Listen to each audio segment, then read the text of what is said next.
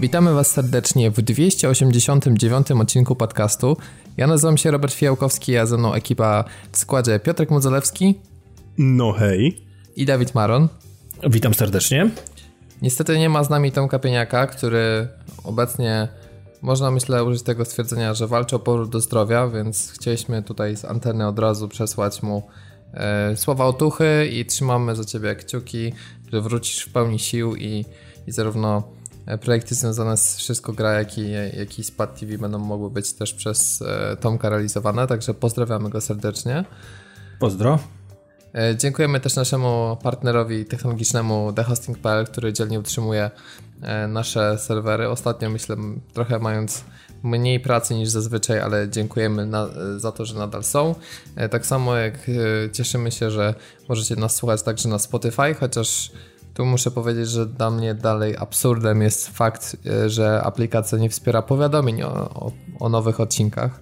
Tak, tego też nie mogę pojąć. To jest rzecz, która myślę jest do poprawy, ale mam nadzieję, że Spotify też się tych podcastów uczy i, i się w końcu nauczy, bo myślę, że gdyby ogarnęli to te funkcje, to naprawdę byłby to bardzo taki konkurencyjny player do podcastów i, i myślę, że by się bardziej popularyzował. E, jeżeli chodzi o to, co u nas się dzieje, bo jak wiecie, ostatni odcinek był 5 stycznia. My dzisiaj nagrywamy, jest 7... Gdzie 5 stycznia? Przepraszam, 5 grudnia. grudnia. tak, my do 2018 roku. Dzisiaj siedzimy, nagrywamy. To było jest... rok temu. Dokładnie. To... Przepraszam, przepraszam, to Ale było jak to brzmi, nie? Że za rok będzie 2020, to już tak cyberpunkowo trochę. Ja się pytam, kurde, Mocno. w ogóle, gdzie tutaj są klimaty z Blade Runnera, bo ja poza smogiem nic nie widzę, a obiecano mi latające samochody i androidy. No, to fakt. I Androida mam, filmik... ale w kieszeni, to, to nie jest to samo, to nie. Widziałem filmik Microsoftu, który przewidywał przyszło 10 lat temu i całkiem sporą liczbę rzeczy trafił, więc może, może jakoś nam się uda w 2030 mieć autonomiczne samochody i nie wiem... Ja nie chcę autonomicznych samochodów, ja chcę, żeby one latały, a nie były autonomiczne, to zacznijmy od tego. Niech jak już mają autonomiczne, to nie latają. Chyba. Tak. Myślę, że no, może, może tak będzie jak w Jetsonach, ale nie wiem. Myślę, że to najmniej potrzebna rzecz z Jetsonów najwyżej trafi, ale... Na, na wszelki wypadek nazwy swojego psa Astro. Tak. Proforma. No ale tak e, proforma to wypadałoby też wyjaśnić, e, co się stało z cyklem wydawniczym podcastu i jakie są nasze plany i postanowienia, jeżeli chodzi o rok 2019. Wydawniczym, Myślę, jak to poważnie brzmi. Tak, e, nie ma lepszej osoby, żeby wam o tym opowiedzieć niż ojciec prowadzący, więc ojcze, przemów. No cóż, no coraz częściej okazywało się, że może nie tyle brak chęci, ale brak czasu i to taki konkretny i spowodował, że no, no życiowy, wiadomo, że jakby inne tematy nas odciągają i, i to się najprawdopodobniej z tego, co już udało nam się porozmawiać e, razem, mm, nie zmieni w najbliższej przyszłości, dlatego chcemy mm, może nie wiem, czy, czy to jest dobre sformułowane, sformułowanie przejść w taki tryb yy, niecykliczny, a nieregularny, tylko po prostu jeżeli uda nam się sensownie coś fajnego ograć, coś będziemy mieli ciekawego do powiedzenia, to, to wtedy postaramy się jakoś e, zebrać to w całość, zrobić jakąś, jakąś jakąś zbiórkę i, i żeby odcinki nie były takimi wydmuszkowymi i żeby nie nagrywać po to, żeby nagrywać, a żeby jednak coś fajnego powiedzieć, coś fajnego wam zaserwować. Więc y, koncepcja jest taka, żeby spotykać się w jakimś takim cyklu nieregularnym. E, natomiast nie wiemy, jak to będzie nam wychodziło, i, i to też jest dla nas jakby. Mm, no, trochę, trochę nowa sytuacja, bo to trzeba sobie powiedzieć, chłopaki, bo jednak kupę lat nagrywania i jakby nam się to, to nie nudzi jako tako. Natomiast no, ja no, powiedział, ewidentnie... że nie jako tako nam się nie nudzi, tylko dalej mamy mega zajawkę, yy, tylko no to brak czasu też nagranie trochę powoduje, że czasami nam głupio jest też szczególnie mi Piotrkowi, no przychodzić na przykład przez rzeczy związane z grą roku, gdzie gdzie widzimy, że no, wiele rzeczy też nam się nie udało sprawdzić i ograć i to też trochę nas jakoś tam powstrzymuje, a jak nie mamy też czasu na y, y, nagranie samo, to i to czas na, na nagrywanie też jakoś rykoszetem dostaje. No właśnie, no bo to się automatycznie prze, przekłada jeden, jedno do drugiego, więc no Więc no, co, co tu dużo powiedzieć? No, nie wiemy, kiedy będzie następny odcinek. Y, mm, nie wiemy też, y, jak będzie, jak będzie wygląda, w ogóle wyglądała przyszłość y, samego podcastu, bo jeżeli nam się to będzie coraz częściej rozjeżdżać, to mm, to jakby nie mamy też mm, nie, nie, ma, nie ma co na siłę, że tak powiem e, trzymania was słuchaczy w jakiejś takiej niepewności, więc będziemy chcieli po prostu coś, coś z tym zrobić, coś postanowić. Natomiast to, to może nie, nie teraz, nie już. Natomiast chcemy, chcemy dać sobie jakiś taki czas, jakiś kilka miesięcy, zobaczyć jak, nam, jak, jak to będzie, jak się, jak się nam poukłada, czy będziemy w stanie wygospodarować więcej czasu na, na to, aby, aby te podcasty były, były ciekawsze i może uda się wrócić do jakiegoś regularnego trybu. Mm, no i wtedy się zastanowimy. Natomiast na chwilę obecną e, nie jesteśmy w stanie zagwarantować absolutnie żadnego terminu, jeżeli chodzi o, o wychodzące odcinki, więc no ten na pewno, chociaż miał się ukazać w grudniu, też się jakby to nie udało i wiadomo, no to, to ewidentnie pokazuje e, problem nasz czasowy, żeby jednak się zorganizować i nagrać. Natomiast od tego odcinka licząc, czyli 289, 290, mm, no no nie wiem, chłopaki, kiedy się pojawi. Może się pojawi na początku lutego, a może się pojawi pod koniec lutego, a może się pojawi w marcu dopiero. HGW. Zobaczymy, jak to będzie wychodziło i e, no i chyba tyle tak na, na początek. No, miejmy nadzieję, że do końca roku nagramy 300. To tak optymistycznie. o, wiesz, 300, no to jest w sumie 11 odcinków, tak? No, to to nie jest to... problem. Były lata, że nagrywaliśmy 52 odcinki w roku, więc no hello, no 11 odcinków to nie jest jakiś dla nas, nie, to nie był, to był ponury żart tak zwany, ale okej, okay, no. dobra. Nie martwcie no- się, że przynajmniej chociaż przy całej tej posusze, posuszy odcinkowej, e, to nie zrezygnowaliśmy z naszego corocznego plebiscytu Podcast Game Awards 2018. Możecie zauważyć, że nie ma tej samej aplikacji do głosowania co w zeszłym roku i wynika to z faktu, że niestety wprowadziła ona ograniczenia takie, że trzeba sporo zapłacić za możliwość nawet jednej ankiety zorganizowania dla powyżej 100 głosujących, a mieliśmy sporo powyżej 100, więc, y, więc przerzuciliśmy się na formularz Google'a właśnie z tego powodu. E, część kategorii została, część kategorii jest nowa. Przejdziemy sobie przez ankietę Podcast Game Awards najpierw przez pryzmat naszych głosów, e, tego jak my byśmy właśnie w ankiecie głosowali, a potem jeszcze może dodamy jakieś dodatkowe rzeczy, które nam przyjdą w międzyczasie. E, więc dobra, myślę, że możemy sobie przejść i na początek pierwsza kategoria, czyli gra, która powinna była okazać się jako serial na Netflixie. I tutaj e, naszym pomysłem e, w tym pytaniu jest to, że jest to gra, która niekoniecznie zyskała na tym, że faktycznie stała się, e, jest elementem medium takim, jeżeli chodzi o gry. Miała natomiast nie, jakieś niezłą fabułę lub też niezły jakiś setting i zdecydowanie lepiej by sobie poradziła e, po prostu będąc medium oglądanym, jak na przykład serial na Netflixie. I tutaj mamy zarówno takie gry serialowe jak e, Life is Strange 2, 2 czy na przykład Detroit Become Human, Także gra akcję Way Out, ale tak troszkę z przekory i z przekąsem wrzuciliśmy tu Fallouta 76, który jest tak beznadziejną grą, że może faktycznie najlepiej zaorać w ogóle e, temat Fallouta w tym e, medium i po prostu pokusić się o sprzedaż prawa do e, jakiejś e, serialowej ekranizacji Fallouta, czy Just Cause 4, które E, po prostu no jest... E, Zabili go i uciekł, no. Tak, no to jest taka gra, która ma niby wspierać to, że brakuje filmów akcji w tej chwili, takich serialów typowych. E, w związku z tym mamy milion razy wybuchów i, i wszędzie one się odbywają. Więc pytanie, czy coś do Was przemawia? Bo jeżeli chodzi o A Way Out, to ja bym bronił, że jednak ta gra jako, jako gra się broni ze względu na ten unikalny no koncept. Mimo no wszystko. właśnie, to, to, to bym spokojnie nawet wykluczył i nie widzę Zresztą, mm, tak jak rozmawialiśmy chwilę przed nagraniem, że ja jestem po. Mm, można, nie wiem, nie chcę powiedzieć, że mm, jakiejś przygodzie, ale po. Mm, po tym, jak obejrzałem Bandersnatcha, próbowałem przynajmniej obejrzeć, to w ogóle nie, nie wiedziałem, co to jest. Widziałem na Twitterze Bandersnatch, Bandersnatch i mówię, a zobaczę, co to jest. Myślałem, że to jest normalny film, normalny serial, to się okazało, że leżąc w łóżku, wpieprzając paluchami yy, na czosy, muszę wziąć pilota i muszę coś przerzucić, albo poczekać na, na, na podjęcie przez serial, przez, przez film przez odcinek decyzji, która niekoniecznie jest ze mną w zgodzie. I, I powiem wam, że trochę mi to nie pasowało. I tak jak sama koncepcja i sama fabuła e, Bandersnatcha jest ok, bo tutaj tworzymy gry, jakiś, jakiś tam, jakiś koleś ma jakąś zajawkę, coś tutaj chce zrobić, nie? I tak dalej, ma jakiś pomysł na grę, przychodzi do jakiegoś studia, wszystko fajnie osadzone, fajny setting, mówię, no to się będzie fajnie oglądało.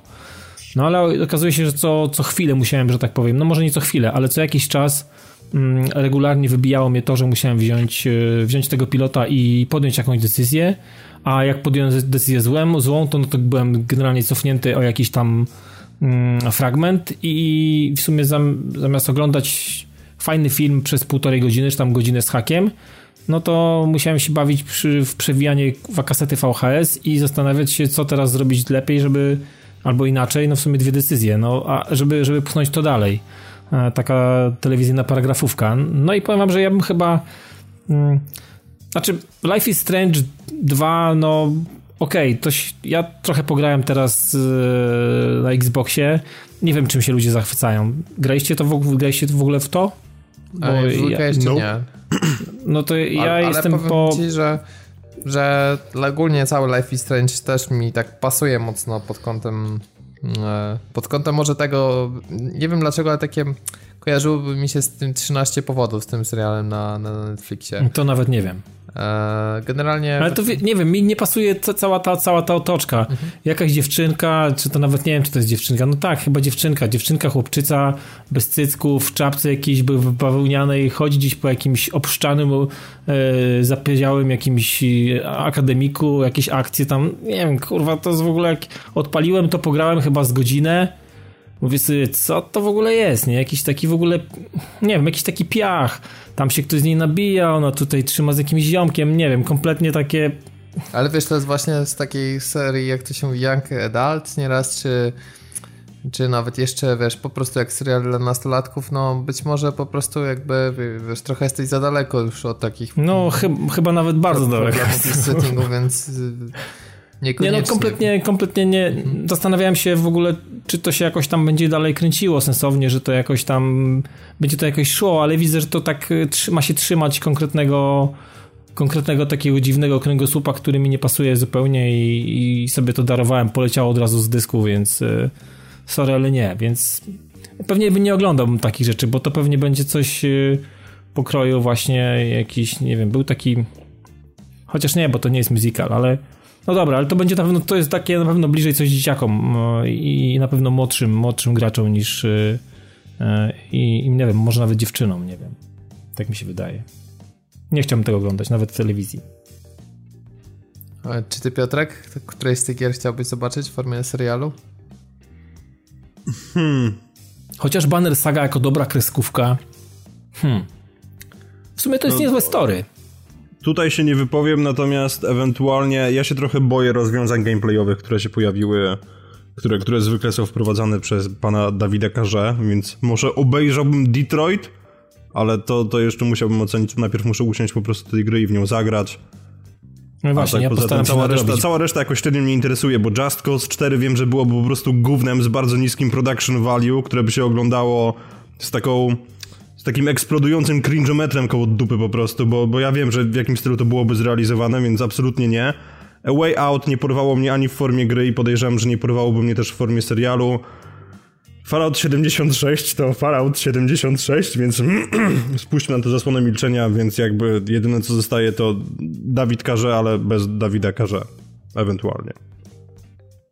Ja właśnie postaram się tego, tego, tego o, ten, to Detroit nadrobić, bo mi się to nawet podobało i mm, ja chyba nie mam przeciwko temu kolesiowi nic. I może jakby to było w telewizji dobrze skrojone, nie wiem. Chociaż nie, ta interaktywność generalnie, jako serial tak, ale żeby to nie miało tych interakcji, żebym ja...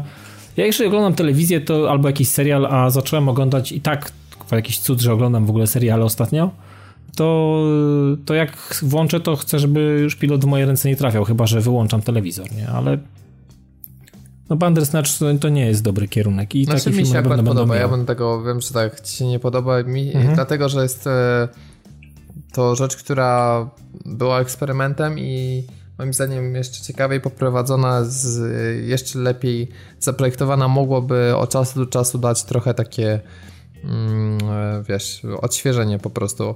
Natomiast tutaj to mam wrażenie, że był to bardziej element promocyjny samego serialu Black Mirror i chodziło też po prostu o to, żeby wykorzystać poboczną historię do iluzji kontroli, bo dużo było zarzutów o tym, że Bandersnatch to jest iluzja wyboru, natomiast jakby sam główny bohater też wpada w tą pułapkę iluzji wyboru i czuje, że traci kontrolę nad swoim życiem i jakby to miało być specjalnie takie poczucie, jakie ten serial wywołuje.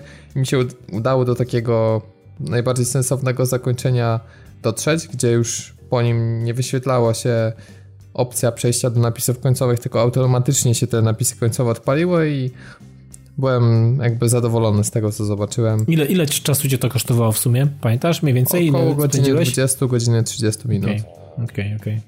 I to licząc tam dwie przywinki, które miałem. No, no, no. Ja tak mniej więcej tak samo. Znaczy ja też ukończyłem. Nie wiem, czy właściwie, czy nie, ale pojawiły mi się napisy i tak dalej, więc. Ale to, to nie było dla mnie dobre, miłe. To może w takim razie przejdźmy do What the Fuck roku. Tutaj mamy takie rzeczy jak na przykład Andrzeja Sapkowskiego, który pozywa CD Projekt Red na 60 milionów. Przyznacie, że to jest właśnie chyba...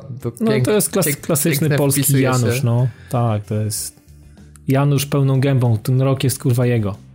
No, czerwona kropka jako mikrotransakcja Black Ops 4 to też pokazuje. Jest tak bardziej... Nie chodzi już nawet o czepienie się tej czerwonej kropki, ale jako takie kolejne przesunięcie granicy bezczelności, jeżeli chodzi o mikrotransakcje i rzeczy, które... No nie, jeżeli kiedyś... chodzi o Activision Blizzard, to myślę, że to jest dopiero początek.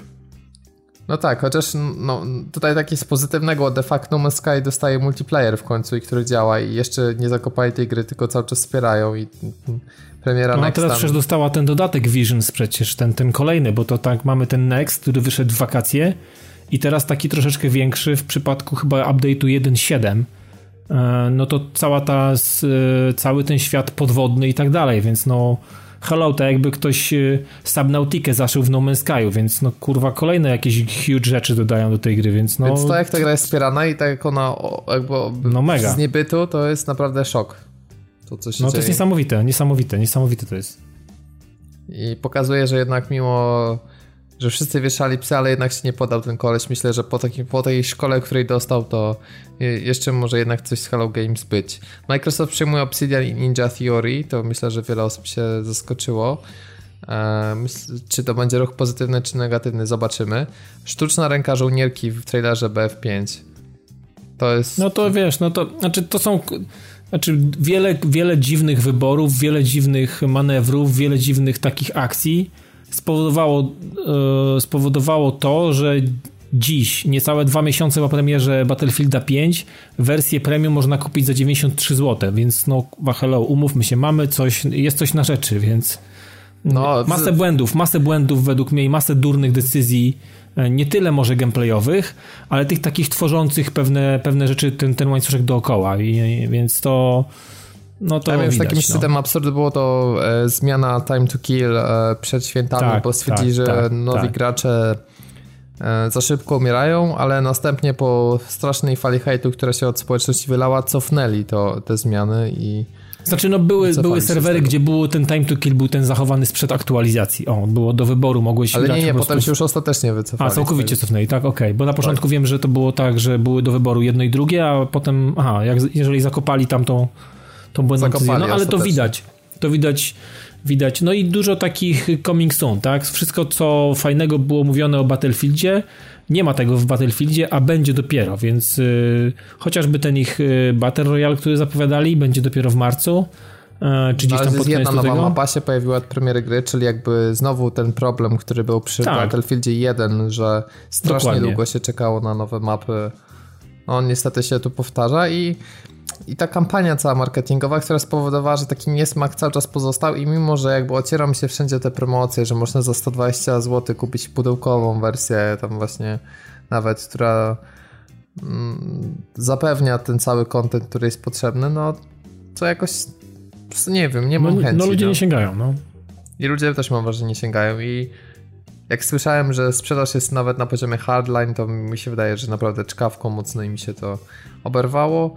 Czy słusznie, czy niesłusznie, trudno powiedzieć, ale DICE naprawdę ma ciężki okres, bo i Battlefront 2 Przecież dwa lata temu, można powiedzieć teoretycznie, no w 2017 no, roku już powinni serwery wyłączyć od tego, no. No i teraz, teraz Battlefield 5, no. A świetny potencjał dwóch gier, prawda? No przecież całe Gwiezdne Wojny plus y, Battlefield, który jest II wojny światowej, no rzeczy, które jakbyśmy usłyszeli 5 lat temu, to byśmy się dali pokroić za nie, a, no, dokładnie. a wyszły no i, co? i nas nie obchodzą. Wiesz, no już w Battlefroncie 1 przecież tym poprzednim grało się mega zajebiście i, i, i było spoko i, i naprawdę spędziłem tam kupę godzin i to, było, to naprawdę było coś. Chociaż ja mówię, Star Warsowy nie jestem, to uwielbiałem tam ten multi, multiplayer, po prostu genialny był. No świetnie A już w ogóle grało. kooperacja na jednym ekranie, na jednym telewizorze razem po prostu na wieprzanie, to w ogóle było totalnie wypas, no. No ale no niestety, i... no nie udało się. To dobrze było, no. Klasyka. E, z tym PR-em Bethesdy wokół Fallouta 76 powiem szczerze tak, dla mnie zaskoczeniem totalnym nie było to, że Fallout 76 okazał się beznadziejny, bo od pierwszych materiałów wiało po prostu sandałem. Natomiast to, jak brnęła Bethesda poprzez e, kwestie związane Ja myślę, że z... dalej brnie w zasadzie trzeba było powiedzieć, biorąc pod uwagę zadymę, która się teraz z atomówkami wydarzyła. No, wys... to, to, to, to się jeszcze nie skończyło. No wysyłka przecież kwestii tych toreb dla edycji kolekcjonerskiej, które były... Ta, zwykłe worki jutowe po ziemniakach, no. E, ta, e, jakąś tam e, Nuke Cole, tak? Zrobili też w wersji jakiejś tam plastikowej, mimo że miała być szklana. E, generalnie e, każą, pisać graczom esai o tym, dlaczego piracenie w grach jest złe, żeby ich odblokowali, jeżeli chodzi o bana. E, tam rozdawali jakąś walutę w grze, za którą i tak nic nie można było kupić, wprowadzenie mikrotransakcji. No, po prostu absolutnie beznadziejna komunikacja jeszcze przed premierą, kiedy powiedzieli, że sorry, ale nasza gra będzie totalnie zabukowana i nie będzie działała. Moim zdaniem to po prostu totalnie fatalnie prowadzony PR tej gry. Znaczy wiesz, ale PR to jest jedna sprawa, a druga sprawa jest taka, że produkcja, bo przecież oni chwilę po premierze wydali chyba ważącego 50 giga patcha, który nie naprawił błędów, więc no... To, no, to wymaga dedykacji, no. Gdzie nie spojrzysz, to po prostu problem i dupa z tyłu. Ale w ogóle sam koncept też jest takim what the fuck.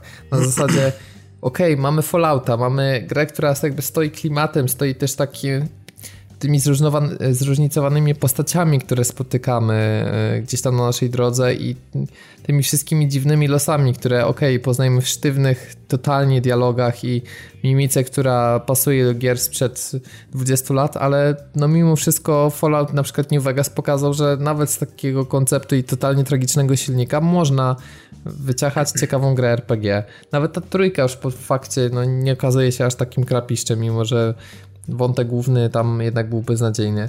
No ale tutaj po prostu wykastrowali absolutnie wszystkich NPC-ów i stwierdzili, że jedynym dobrym pomysłem według nich to będzie to, że spotykamy innych graczy i to są jedyne postacie, jakie widzimy. No i oczywiście skończyło się tym, że postaci inne robią głupie emoty, zresztą ich jest też tyle, ile w tańców w Fortnite albo jeszcze więcej i to na wzór tego są zrobione interakcje.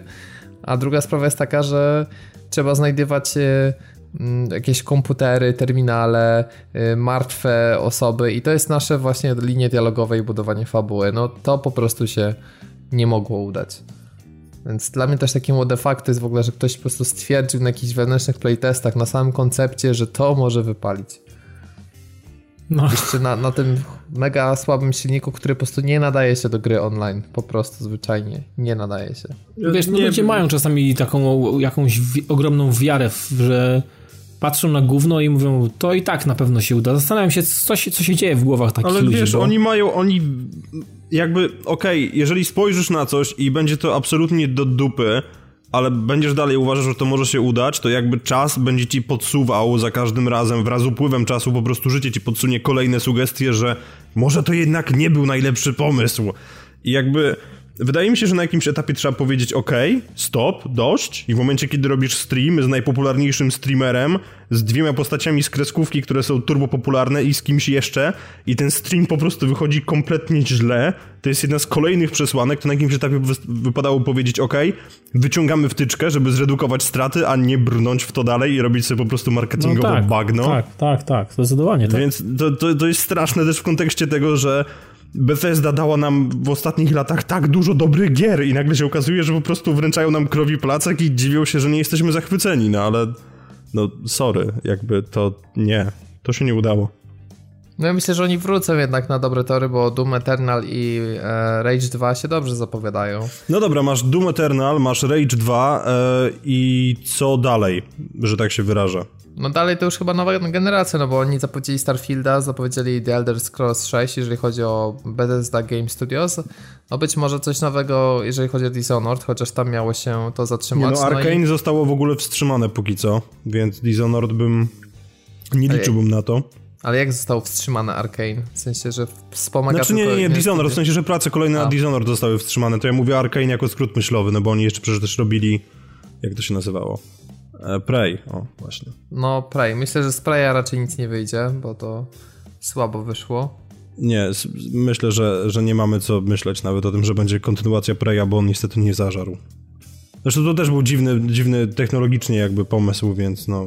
No tak, bo tam CryEngine bodajże, nie? Tak, tak, tam właśnie były takie... Odważnie, odważnie z tym CryEngine'em. No. Odważnie albo głupio wręcz, to może był zwiastun po prostu tego, co nadejdzie. No i będzie oczywiście The Elder Scrolls Blades na komórki, to myślę główne nadzieja. Nie, to ja, ja już, już, już, już kupuję iPhone'a, pędzę. No, właśnie, tak słyszę. Słyszycie tak jak biegnę? Słyszymy. Tak. No. Patrzę, co tu jeszcze się nam szykuje. W zasadzie to Legends, Blades pewnie już wyszło, chociaż nie wiem jak to ma być. Wolfenstein Youngblood jeszcze jest. Okej, okay, w to zagram. No jak w każdego Wolfa, no. Każdy szanujący się Polak gra w Wolfa, no. No, nie ma innego wyjścia jakby. No, więc chyba tyle, jeżeli chodzi o The Fact. Aha, jeszcze oczywiście zapowiedź Diablo Immortal na BlizzConie i w ogóle cały PR wokół tak, Blizzarda, ponieważ tam fail. ostatnio zmienił się CFO. Też jest akcja, że dyrektor finansowy Activision ma pełnić główną rolę w zarządzaniu Blizzardem.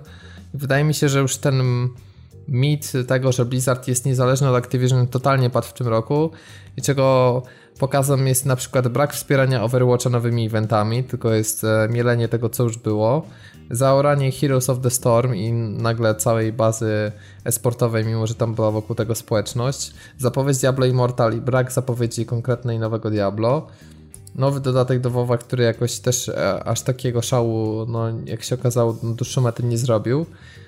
No, moim Diablo zdaniem... 3 jest też w tej chwili, jak e, wiecie, nowe aktywności. Wepchnęli sezony e, w pewnym momencie tak jak na PC i te sezony się po prostu mielą. Automatycznie się odpala zegar, który to odpala na 90 dni, czy tam na ileś, robisz sobie tam sobie robisz i potem zostajesz bonusy i tak w kółko. Nawet nie ma, nawet nie ma specjalnie mm, nowych takich y, zmian w tych sezonach. To po prostu na pewnym etapie się zatrzymało i, i, i mielone to jest w kółko teraz, nie? No tak jak teraz masz event Tristam, tak jak co roku w styczniu. Tak, tak, tak. No ale ja akurat to już mam zrobione całe, więc ja tam nie będę do tego wracał, więc y, no już to są mówię, rzeczy, które się dzieją automatycznie, bez wiedzy Blizzarda, tak odpalają się po prostu no, z kalendarza i leci to. Znaczy, no Blizzard Blizzardem, ale ja naprawdę nie będę zdziwiony, bo inaczej, wręcz będę zaskoczony, jeżeli to się nie stanie, jeżeli w tym roku w jedynej tak w zasadzie grze od, od takiej radosnej spółki, w którą gram jeszcze, czyli Destiny 2, jeżeli tam się nie pojawią jakieś bardziej agresywne mikrotransakcje. Naprawdę będę, będę turbo zdziwiony, jeżeli do końca tego roku nie okaże się, że możemy nagle po tym jak mieliśmy jedynkę, a potem dwójkę, gdzie był identyczny kreator postaci, naprawdę nie będę zdziwiony, jeżeli pojawią się mikrotransakcje w postaci hej, nowe włosy dla twojej postaci. 3 dolary. Nowy makijaż. 5 dolarów i tak dalej. I najgorsze jest to, że ludzie to kupią. To jest absolutnie a, najgorsze w tym A wszystkim. sądzisz, że będzie Destiny 3 w tym roku, czy raczej to już Nie, w tym roku nie ma na to szans. Nie, nie, nie, absolutnie. Destiny 3 w tym roku absolutnie odpada. Natomiast spodziewałbym się go ewentualnie w przyszłym i zobaczymy jeszcze w jakim kierunku to wszystko pójdzie, bo tak jak rozmawialiśmy na poza anteniu, e, dodatek, o Boże, hmm, jak on się nazywał? Forsaken. Forsaken. Forsaken generalnie rzecz biorąc przywróciło moją wiarę w Destiny, tymczasowo, ponieważ znowu teraz wróciliśmy do grindu i jakby dochodzi do sytuacji, w której te nowe eventy jakoś tak kompletnie mnie nie obchodzą. Nawet jeżeli dojdzie teraz do sytuacji, czy już doszło w zasadzie, nie wiem, bo widziałem filmiki w internecie, a nie odpalałem gry, ale doszło do jednej z większych teoretycznych rewolucji, a przynajmniej tak wieszczą portale internetowe, które nie bardzo wiedzą, jak działa świat Destiny, bo jedna postać została wskrzeszona i w związku z tym mają się dziać jakieś cudowne rzeczy, ale nie wiem, co z tego wyjdzie, jak to zostanie dalej poprowadzone. Życzę im jak najlepiej, ale też chciałbym, żeby ta gra była grywalna dla mnie, a nie tylko żeby grywalne były słupki w Excelu dla akcjonariuszy. A e, wspominasz, że wrócił grind, to jest też tak, że z czasem się te mechanizmy ujawniły, czy oni zrobili jakieś zmiany w balansie rozgrywki już po wydaniu dodatku, które ten grind wzmocniły? Znaczy nie, wiesz co, po prostu chodzi o to, że to, to tak jak rozmawialiśmy, to jest też jeden z powodów, może inaczej. Ja mam trochę mniej czasu też na granie w tę grę i nie bardzo mam ochotę inwestować teraz po prostu 30 godzin po to, żeby iść do jakiegoś Black Forge'a albo jakiegoś innego obiektu i, i szukać rzeczy, no. Może w ten sposób. Rozumiem. Więc wydaje mi się, że coś tam z balansem zostało delikatnie stwikowane. Oczywiście dalej jest lepiej niż było przed premierą Forsaken. Dalej jest tak, że jak wpadniesz sobie weekendowo i pograsz e, w żelazną chorągiew w tyglu. Przepraszam. Nie, polska wersja to jest... O, jest, jest absolutnie cudowna. Człowiek Sedes i jego spółka, cudownie. Nie, nie, natomiast no, jeżeli wpadniesz właśnie na Iron Bannera i trochę sobie ewentualnie pograsz przez weekend, czy odpalisz kilka meczy Gambita, który swoją drogą jest świetnym trybem i tego się będę trzymał, to jest dalej tak, że sobie delikatnie ten light podbijesz, tak? Ale wydaje mi się, że generalnie rzecz biorąc, nie wiem, czy ja trochę zmiękłem jako, jako hardkorowy odbiorca, czy sama gra po prostu jeszcze bardziej podkręciła gałkę na 11, ale wydaje mi się, że jakby zdobycie tych takich topowych itemów wymaga od ciebie więcej czasu niż, niż, niż poprzednio. A to nie jest tak, że takie były też oczekiwania społeczności, że za szybko się zdobywało maksymalne light, więc dlatego to utrudnili? Ja nie wiem, czy maksymalne lajcie zdobywało zbyt szybko, bo ja go dalej nie zdobyłem, nawet jeżeli chodzi o, nazwijmy to, podstawową wersję Forsaken, już nie biorąc pod uwagę tych rozszerzeń i tak dalej, a jednak trochę czasu w tej grze spędziłem ostatnio. Więc mhm. no, na tyle, na ile mogłem, bo zdarzało mi się znowu, że siedziałem do godziny czwartej rano i tak. Rozumiem. To może przejdźmy do rzeczy prostszych. Prosta jest e, kategoria najlepsza mainstreamowa gra wyścigowa roku. Znaczy nie, wiesz co, nie, nie, chwilę, chwilę, chwilę. To, to, to nie jest wcale taki prosty, jakby ci się wydawało, bo obydwaj myślimy o tej samej grze. Ja wiem, że o niej myślimy, ale trzeba jednak powiedzieć, że to jest gra, która pokonała naprawdę sporą konkurencję która musiała borykać się. Ja nie wiem, z czego ty się śmiejesz, naprawdę, bo, bo wydaje mi się, że wyszły jakieś gry wyścigowe na, na Switcha, że było trochę premier no, mobilnych. Gear Unlimited 2 faktycznie okazało się grą gorszą od tej, o której zaraz powiemy, tak samo jak v To jest zaskakujące, 4. nie? Bo też, też myślałem, że przynajmniej warstwo techniczną może być nad tą grą, ale jednak nie, nie było. Okazuje się, że Gear Club Unlimited 2 jest gorsze technicznie niż Gear Club Unlimited 1, które już nie było szczytem technicznym, o który pamiętacie Paweł Pucharski swojego czasu omawiał w podcaście, więc... Ty mówisz poważnie, że on jest gorszy technicznie? Tak, tak. Okay. Nawet fan, e, ultra fanowskie strony Nintendo wystawiają tej grze 4 na 10, no to myślę, że to już świadczy o czymś. Podobnie hitem nie stało się V-Rally 2. No to hmm. mógłbym powiedzieć, że Formuła 1 2018 była świetną odsłoną, natomiast e, no to jest słowo klucz mainstreamowa. Formuła 1 mimo wszystko jest trochę trochę zawężona, poza tym umówmy się, wszyscy czekamy na 2019, żeby pojeździć kubicą, więc więc no dla nas jednak ta edycja ma mniejsze znaczenie. No i no, no tak. i co powoli nam się kurczy wybór. Coś jeszcze Onrush, no niestety jest fajny, ale jakoś tak no, zabrakło takiej wielkiej pompy, no i chyba zostaje ta gra, tak? Piotrek, czy jeszcze Czekaj coś chwilę. Tam? Czekaj, czekaj, bo ja jeszcze muszę, muszę jedną rzecz obczaić odnośnie e, odnośnie porównuję, ten... ile spędził jeszcze czasu w Drive Clubie w tym roku. Nie, nie, nie, nie, bo ja jeszcze, ja jeszcze muszę tutaj jedną rzecz tylko zweryfikować, jakby Um, Ale Drive no Club tak, 2 to byłoby tak. coś, kurczę, no. Nie, nie, nie, nie, jakby... Powiem że ja, ja tak uwielbiam Drive Cluba, według mnie z tej generacji to jest dla mnie najlepsza samochodówka. Ja powiem ci, że też, mimo tych wszystkich Force Horizon, to z jakiegoś powodu po prostu ten Drive Club ma w sobie coś takiego, że możesz nie grać to w pół roku i zaczynasz to grać i po prostu znowu wsiąkasz, jakby ty o pierwszy raz grę Naprawdę, odpaliłem, odpaliłem, odpaliłem to teraz po nie wiem ile, półrocznej przerwie to i po prostu i, i od razu mi się przypomniało, dlaczego byłem tak zajarany i tak mi się kopciło z uszu, jak w to grałem. Po prostu to jest, to jest absolutny obłęd.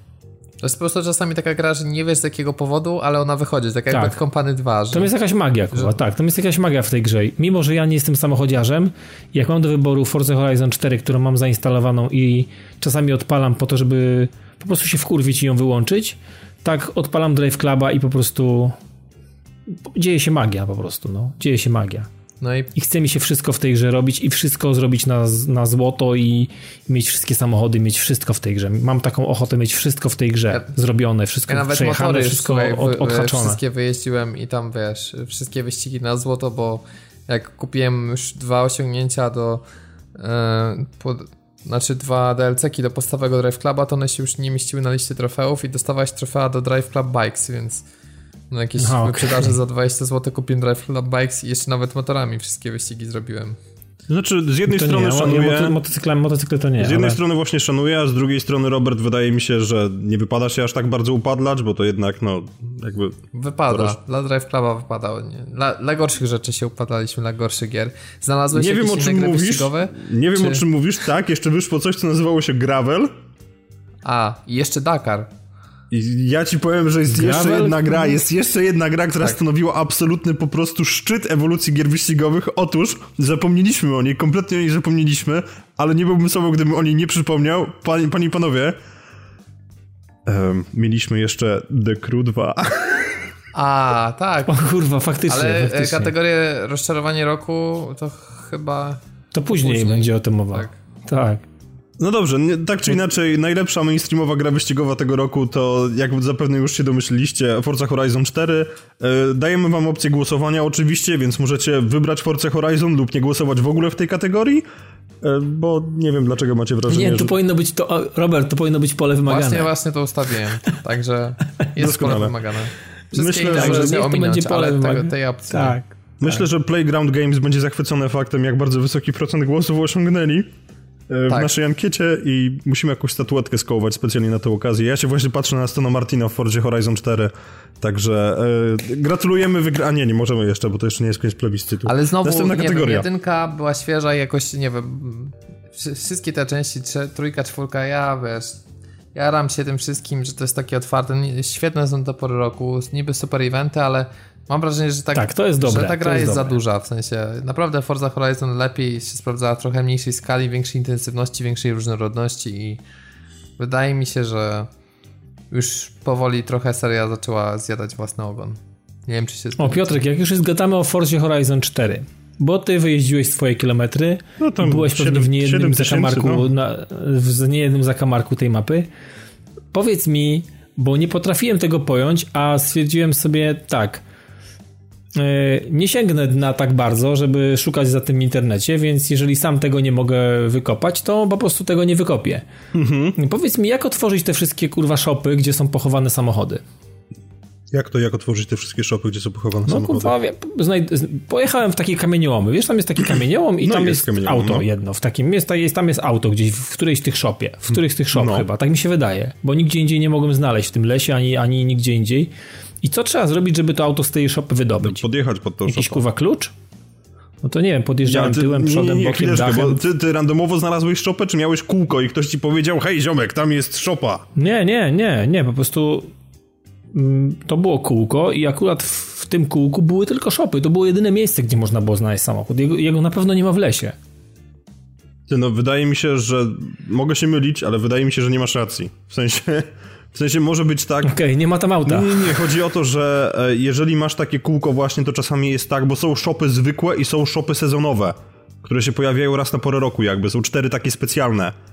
I chodzi okay. o to, że mogłeś po prostu trafić na kółko, w którym była jedna szopa zwykła i jedna szopa jakby z pory roku, która nie jest tą obecną i stałeś jak kołek pod tą niewłaściwą, a w tej właściwej jest samochód. Bo to jest tak, że pojawia się kółko, jedziesz, ona się otwiera i elo.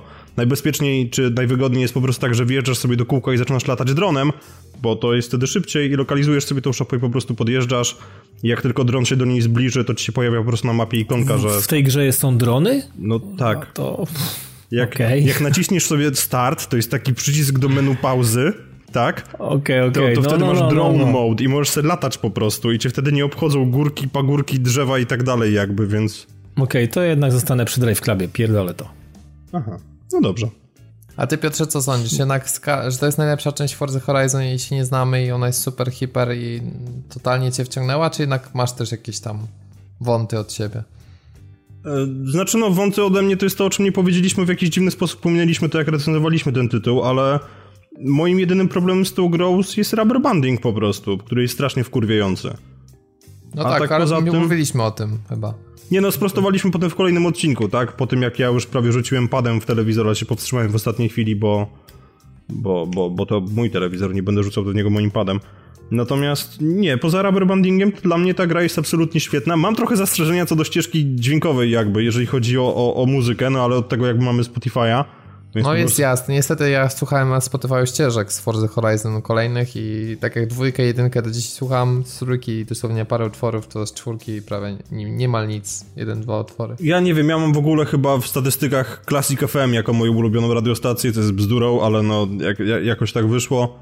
Więc e, no to są te dwie rzeczy w zasadzie. A tak poza tym to ja jestem tą grą absolutnie zachwycony i i mam Season Passa i troszkę sobie ogrywam te Storm Island całe, czy Fortune Island, czy jakkolwiek to się nazywa, który jest dodatkiem moim zdaniem mocno średnim, no ale zobaczymy jeszcze co będzie dalej.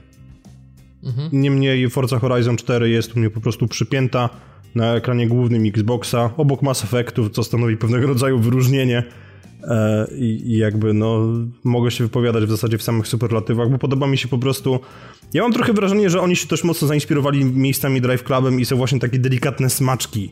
Typu, że jeżeli zostawisz samochód na chwilę w bezruchu, to się śnieg na nim osadza i tak dalej. Są takie rzeczy, które zajebiście budują klimat. I, mhm. I, nie jest to poziom Drive Clubu, jeżeli chodzi właśnie o warunki pogodowe. I absolutnie tęsknię za siłą bezwładności działającą na krople deszczu na szybie w taki, a nie inny sposób, no ale jakby Drive Club jest na dysku mojej PS4 i będzie na niej pewnie do samego końca aczkolwiek Evolution Studios nieodżałowana i niepowetowana strata, Sony powinniście za to dostać łopatą w łeb. Dziękuję. No tak, to jest w ogóle what the fuck zeszłego roku też w sumie, bo to e, zamknięcie Evolution to, to był rok 2017. Dobrze, to zostaje kategoria nam ojcowska, znaczy jeszcze, więcej, ale teraz tam sobie przejdziemy, czyli najlepiej wypieczony indyk roku. E, najpierw zanim tak przejdziemy przez to, to powiedz mi, Eee, powiedz mi, Dawidzie, czy Twoim zdaniem to był mocny rok, jeżeli chodzi o indyki, czy taki, gdzie trzeba było się solidnie nagrzebać i naczekać i dużo jednak tych e, średnich produkcji ograć, żeby wyłapać te perełki? Wiesz co, biorąc pod uwagę mm, samą konsolę, bo absolutnie nie mam pojęcia mm, co się dzieje na, na PC-cie. Tam pewnie, pewnie jest no wchodzi 8 tysięcy gier, gier opcji, 8 e, tysięcy gier rocznie, no to Teraz jeszcze będziesz tak, miał ekskluzywy no, na Epic Games Store, więc to pomijmy, bo to jest za duży rynek. No. Po, po, pomijam, pomijam absolutnie i pewnie tam jest tyle fajnych gier, które mm, jakby tylko pojawiły się na konsoli na 100% bym ograł.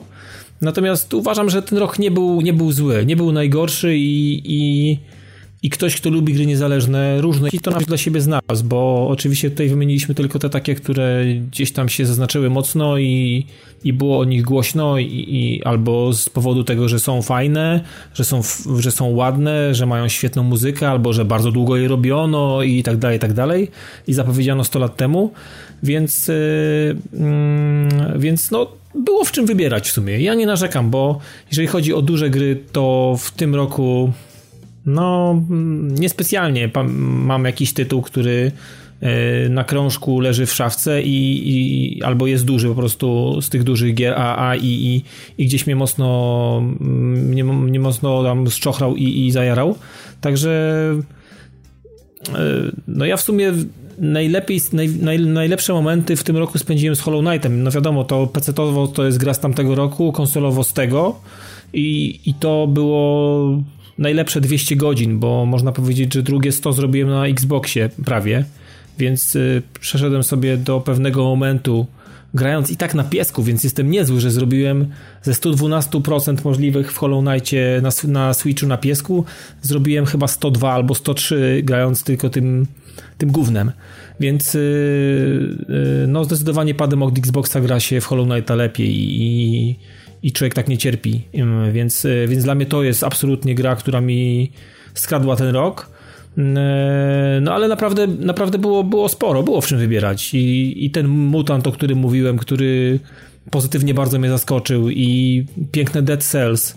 Trochę nie rozumiem Celest, bo to jest taka gra naprawdę trochę na, na poziomie, na, ja ją stawiam razem e, na, na, na, tej, na takiej półce gier, które mają zadanie cię wkurwić absolutnie do imentu i żebyś absolutnie nie wytrzymał i powtarzał jedną planszę po 130, po 50 razy i znalazł sposób na to, jak, jak, jak to przejść w ogóle. Ja nie lubię absolutnie takich gier i nie lubię jak gra zasadza się na moją dupę i twórcy sami pewnie nie są w stanie przejść tej gry, yy, tworząc takie, takie, a nie inne rozwiązania, więc absolutnie nie rozumiem yy, zachwytu nad Celeste. Ani tam nie jest fajny pixel art, ani to nie jest... Yy, no może muza jest ok, ale ale tam jest y, wiele rzeczy, które są po prostu absolutnie przeciętne i nie wiem skąd się wziął nagle taki boom na to i, i, i odpaliłem to, przeszedłem parę planż i w momencie, kiedy poziom irytacji zaraz, zaraz zaczął mi rosnąć szybciej niż włosy, to stwierdziłem, że, mm, że nie,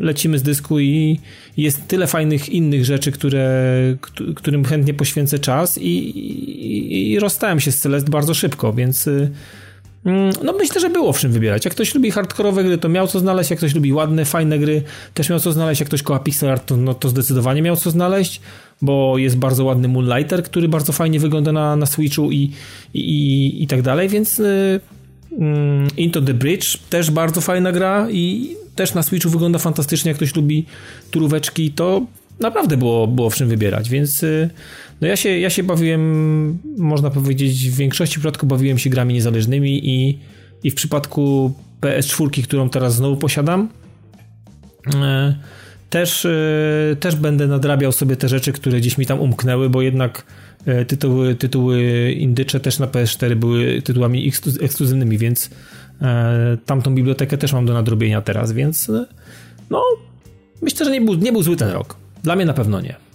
A Into the Breach od twórców FTL-a, tak? Tak, tak, tak, tak, tak. To też raczej robiło, tak? Tak, tak, tak. Więc generalnie to jest bardzo fajna gra i polecam. I, I to się naprawdę super gra. Nie wiem, czy Robert lubisz takie rzeczy, ale jest. Zastanawiałem się na tym, no bo na Switcha to pasuje mocno, tak? Trochę mnie odrzuca ten taki rasowy pixel art z tej gry. Ale powiem ci, że to nie wygląda źle. To jest... Yy, to jest taki pixel art yy, taki w stylu 8-bitowym, ale z bardzo taką szer szerszą paletą kolorów i nie jest tak kanciaty, więc yy, to jest naprawdę dobre. To jest naprawdę dobre. Na ekranie Switcha to pixel art wygląda jak normalna grafika. No, dokładnie.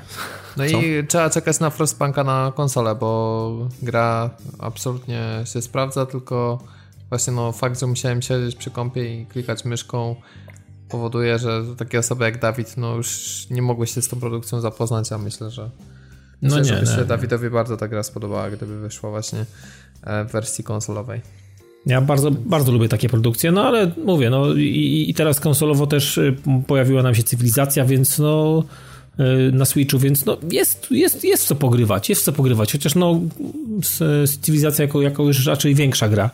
Natomiast e, no ja bawiłem się w tym roku nieźle, nieźle. Nie był to jakiś uber super wypasiony rok, ale, ale było nieźle. No i Below, które w końcu e, po pięciu latach produkowania pojawia się ni stąd ni zowąd nagle w Game Passie, w ogóle nie trzeba za to płacić, jak mamy abonament i, i w ogóle tak samo Mutant, w ogóle Game Pass robił też furorę bardzo mocno pod koniec, e, ostatni kwartał to, albo nawet ostatnie półrocze to, to regularnie Game Pass zaskakiwał, tak jak nie byłem jakby fanem tej, tego, tego modelu e, mm, dystrybucji i pakowania gier na premierę tam od razu i nadal chyba nie jestem, bo zobaczcie co się stało z Mutantem, zobaczcie co się stało z Below. Te gry tam wpadły, one tam są i, i nic. To jest y, przykład dwóch gier bardzo szybkim, bardzo krótkim odstępie czasu od siebie, gdzie wpadają tam i Celest też I, i, I za chwilę Absolver, yy, przecież wpadł jeszcze Ashen, który bardzo fajnie też od, odbierane i oceniane bardzo wysoko. Więc no, tam te gry wpadają, ale one tam po prostu toną. Na, na, natychmiastowo się o nich nie zapomina i przestaje się o nich mówić, więc. Mm, no nie wiem, nadal nie jestem chyba za, za tym wszystkim. Jakiś dziwny model y, musi biznesowy to, towarzyszyć temu, że twórcy się zgadzają na taki, na taki zabieg, bo albo może nie do końca wierzą w to, co mają w swoim portfolio i z czym chcą się pokazać i, i nie chcą zbudować tego własnymi siłami i, i pasuje im to, co dostaną od razu do ręki i mają w dupie to i nie muszą się o nic martwić. Nie wiem, cały czas mam mieszane uczucia. No dla twórców to myślę nie jest to łatwa sprawa. No nie, na pewno nie. Dlatego myślę, że podejmują takie, a nie inne decyzje i tak jak to miało miejsce w przypadku mutant, Mutanta, Bilowa, Ashena, czy e, teraz e, tak, e, Celest tak samo. No Celest zrobiło furorę dużo wcześniej, zanim pojawiło się w Game Passie. Ale no to są takie dziwne decyzje dla mnie. No jestem, jestem ciekawy, czy myślicie, że Sony w przyszłym roku zapowie coś na wzór e, tej usługi? Czy raczej nie ma szans? nie, wydaje mi się, że nie. Ja bym nie wierzył w to. Tak samo nie wierzę w żadną wsteczną kompatybilność od nich.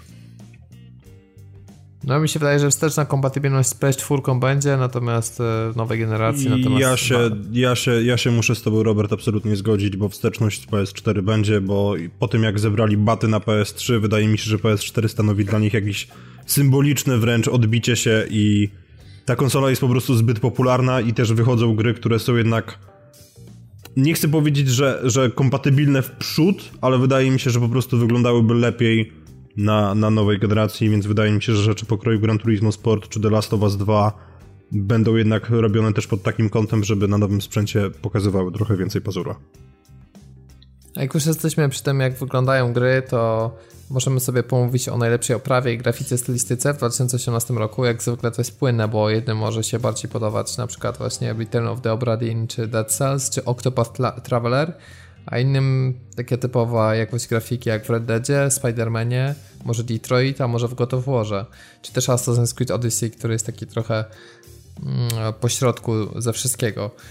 No ja jakbym miał powiedzieć, to mimo wszystko chyba bym docenił to taki chorobliwo przywiązanie do detali, jeżeli chodzi o Red Dead Redemption 2, bo ta gra, tak jak Drive Club cię spaczał, jeżeli chodzi o gry wyścigowe, tak Red Dead, jeżeli chodzi o open worldy, to już po prostu wszystkie gry potem wyglądają brzydko, więc moim zdaniem to jest to jest właśnie ta gra, która największe wrażenie i tak najbardziej wryje się w pamięć, jeżeli chodzi o jakość tej grafy. I mówię grając to na PS4 Pro, więc trudno mi sobie nawet wyobrazić, co wy widzicie, jak odpalacie to w natywnym 4K, co też jest jakimś takim technologicznym majstersztykiem, że udało im się to, e, to zrobić po prostu.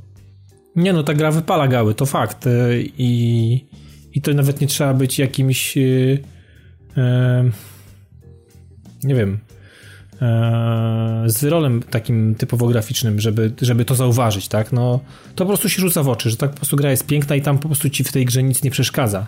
Natomiast ogrom jej przytła przytłaczają inne rzeczy. Przy przytłacza to, że wizja odpalenia mm, Red Dead Redemption i w, mając w, w nawiasie 2-3 godziny nagranie, to wiesz, że gówno zrobisz. To już kiedyś mówiliśmy o tym, więc... Y no to tutaj trzeba dużo poświęcić czasu ciurkiem najlepiej i nic innego nie odpalać. Co i tak według mnie jest ciężkie. Trzeba mieć po prostu kupę czasu, długie sesje w tej grze mm, mm, puszczać, żeby to, żeby to miało, miało ręce i nogi. Granie takimi kawałkami, szarpać tak po godzinie, po dwie, mm, to spowoduje, że porzucimy ten tytuł. No, tak, to, tak, to, tak to ma przynajmniej miejsce u mnie teraz.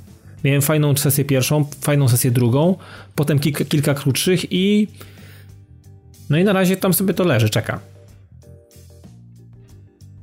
No ja trochę też mam podobnie, bo e, mieliśmy w filmie u siebie akcję charytatywnej, e, gdzie mieliśmy przekazywać dochód na szlachetną paczkę. Ja akurat e, zakupiłem w tej formie FIFA 19.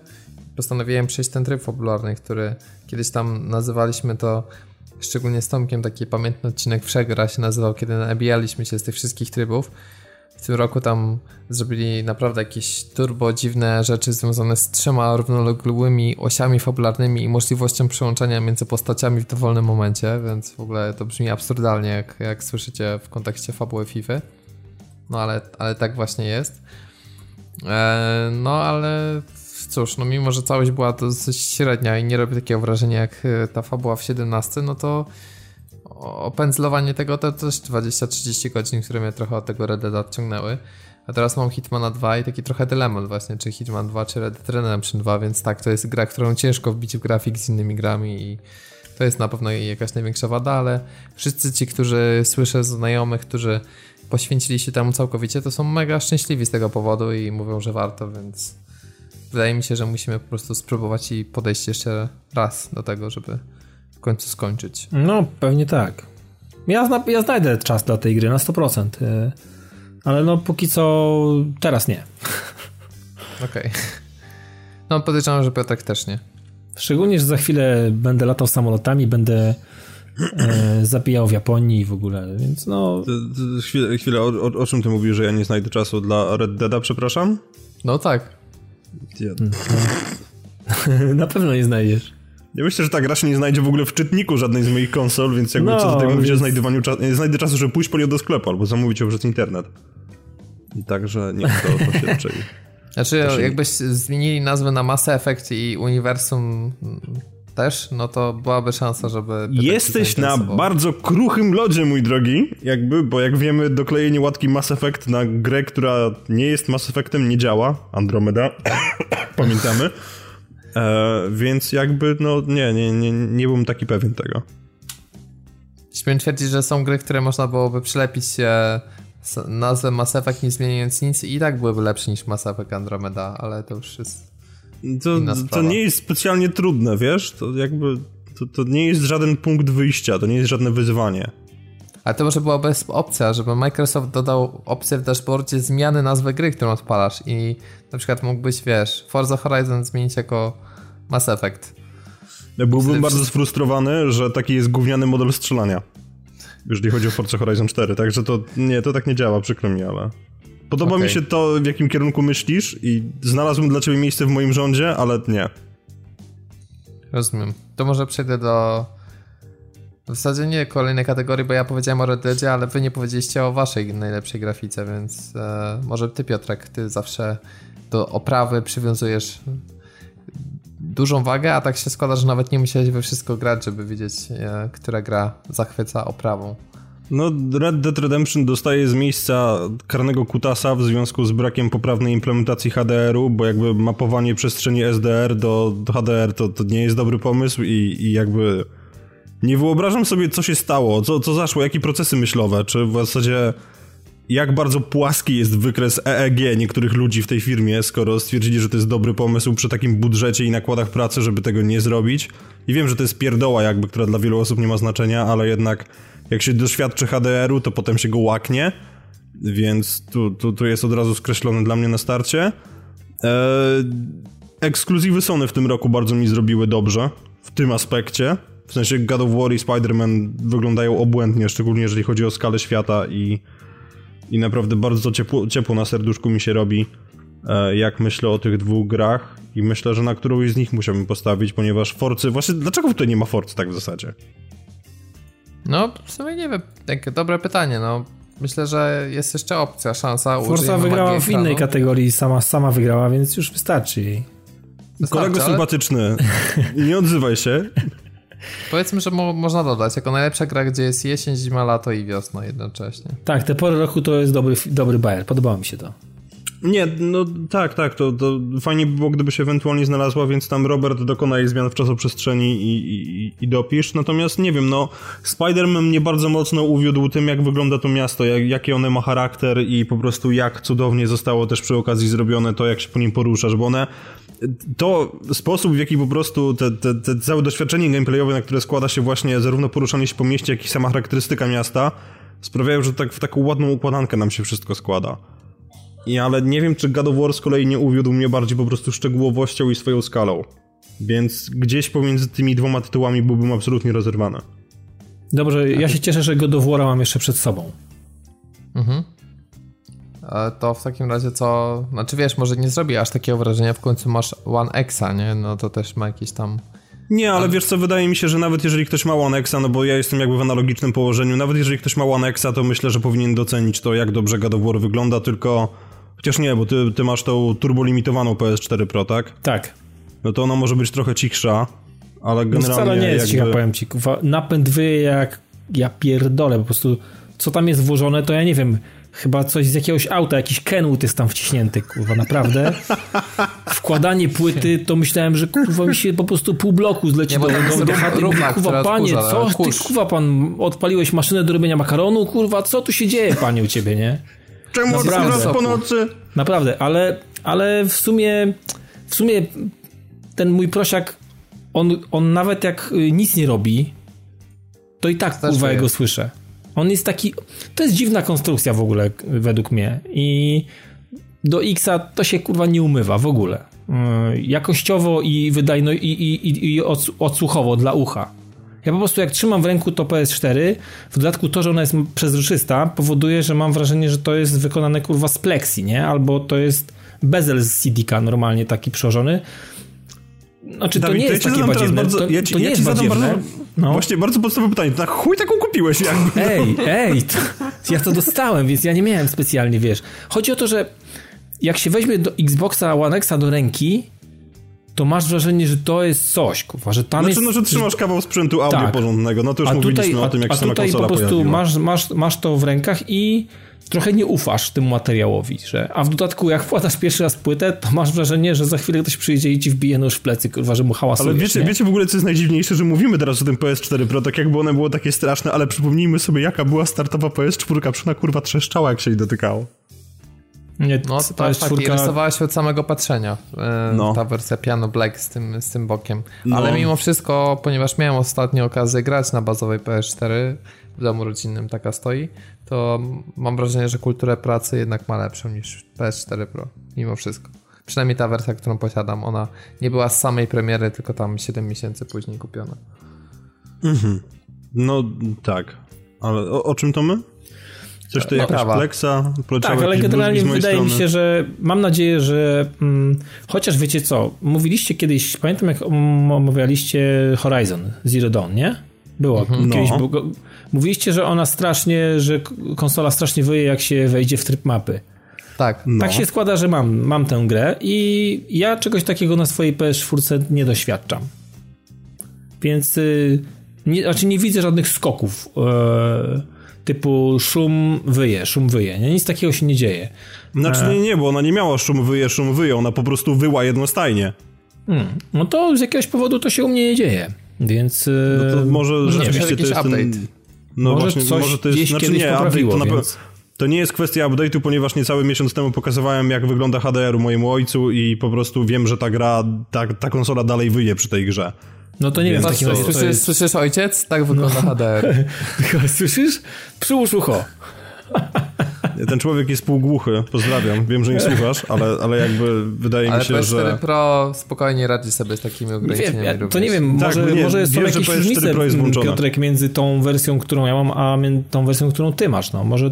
Znaczy, nie, nie, nie, wiesz, są różnice, bo się zdaje, że ta, ta limitka bazuje po prostu na tej nowszej wersji prosiaka, która była wydawana wraz z Red Dead Redemption 2, gdzie jest trochę E, przekonstruowany kanał, który odprowadza ciepło, jest inny wentylator trochę, który nie ma tak wysokiego pitcha dźwięku, nazwijmy to brzydko, mhm. E, więc no też ma zasilacz trochę bardziej zoptymalizowany, bo mam też mniejszy pobór prądu, więc możliwe, okay. że po prostu masz już więc, tą lepszą wersję. Więc możliwe, że to jest y, powód, że mam jak mam.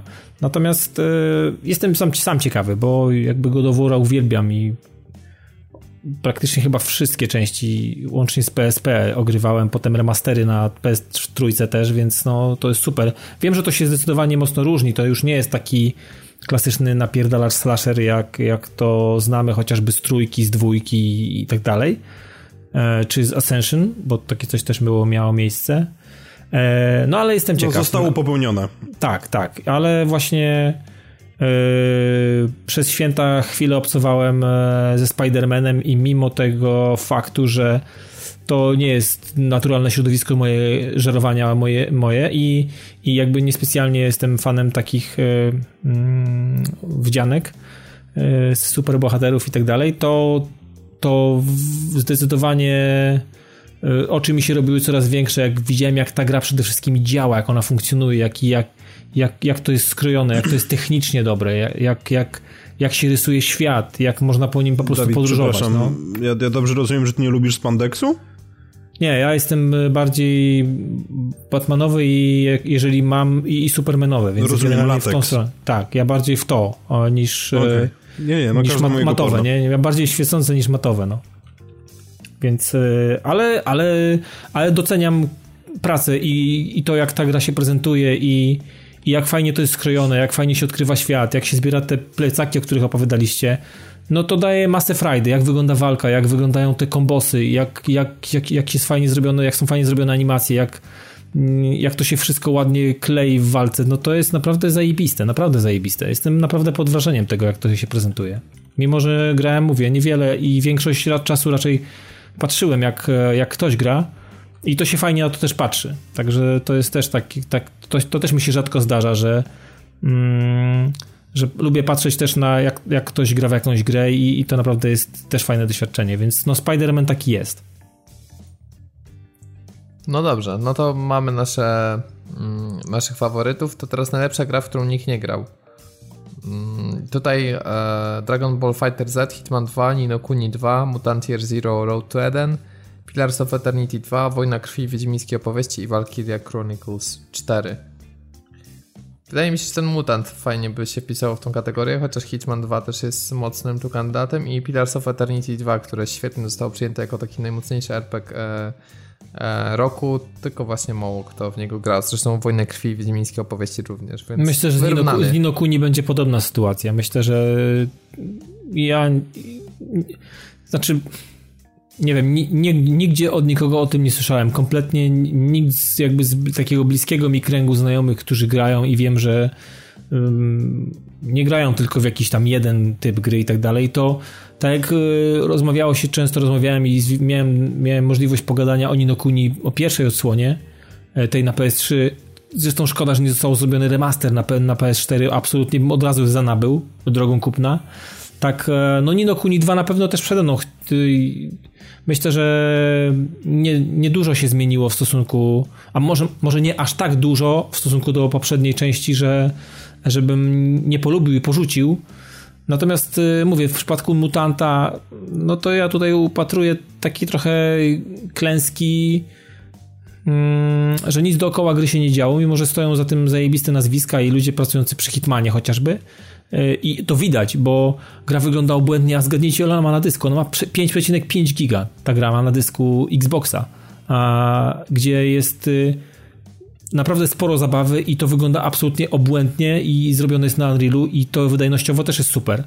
Więc y, no jest na pewno kilka takich. Myślę, że jest y, też Valkyria Chronicles 4 to też myślę wydaje, że to jest już taka taśma takie odcinanie kuponów i tam też się nie za wiele dzieje w stosunku mechaniki, no Znaczy ja grałem też takie długie demo na Switchu i Tak, ci, ja że... też. I tam i, i z mojego doświadczenia i wiem, bo grałem na PSP, Valkyrie Chronicles i na PS3 to i to jest, to jest, i to jest jeden ten sam e, manewr. I, i tak naprawdę tam się nic nie dzieje e, specjalnie, więc e, no taki urok, no zasadzie to do, do, jakby natchnęło mnie to i dodałem Valkyrie jeszcze zaginając z czasu przestrzeń do rozczarowań roku. Mimo, że jest też najlepszą grą, w którą nikt nie grał. Tak, tak, no tak, przy okazji. To, mhm. Tak, przy okazji. Zresztą będzie trochę kontrowersji, myślę, w tej kategorii. Nie wiem, czy Piotrek się coś wypowie na ten temat, bo myślę, że żadna z tych gier go kompletnie nie interesuje, więc może po prostu przejdę dalej. Tak, ja tak jestem w tej grupie, która nie, nie, grała. Mam mutanta na dysku, ale jeszcze go. Zagraj to, Piotrek, bo naprawdę myślę, że może ci się podobać. Mm, jak, jak sama, same, same, same, przede wszystkim same sekwencje, sama eksploracja świata. E, trochę będą ci irytować, wiem, które rzeczy będą ci irytować, ale nie będę ci ich sugerował. Natomiast e, naprawdę daj, daj grze szansę, bo to jest naprawdę niezły, niezły kawał giery. Z zajebistą historią, naprawdę.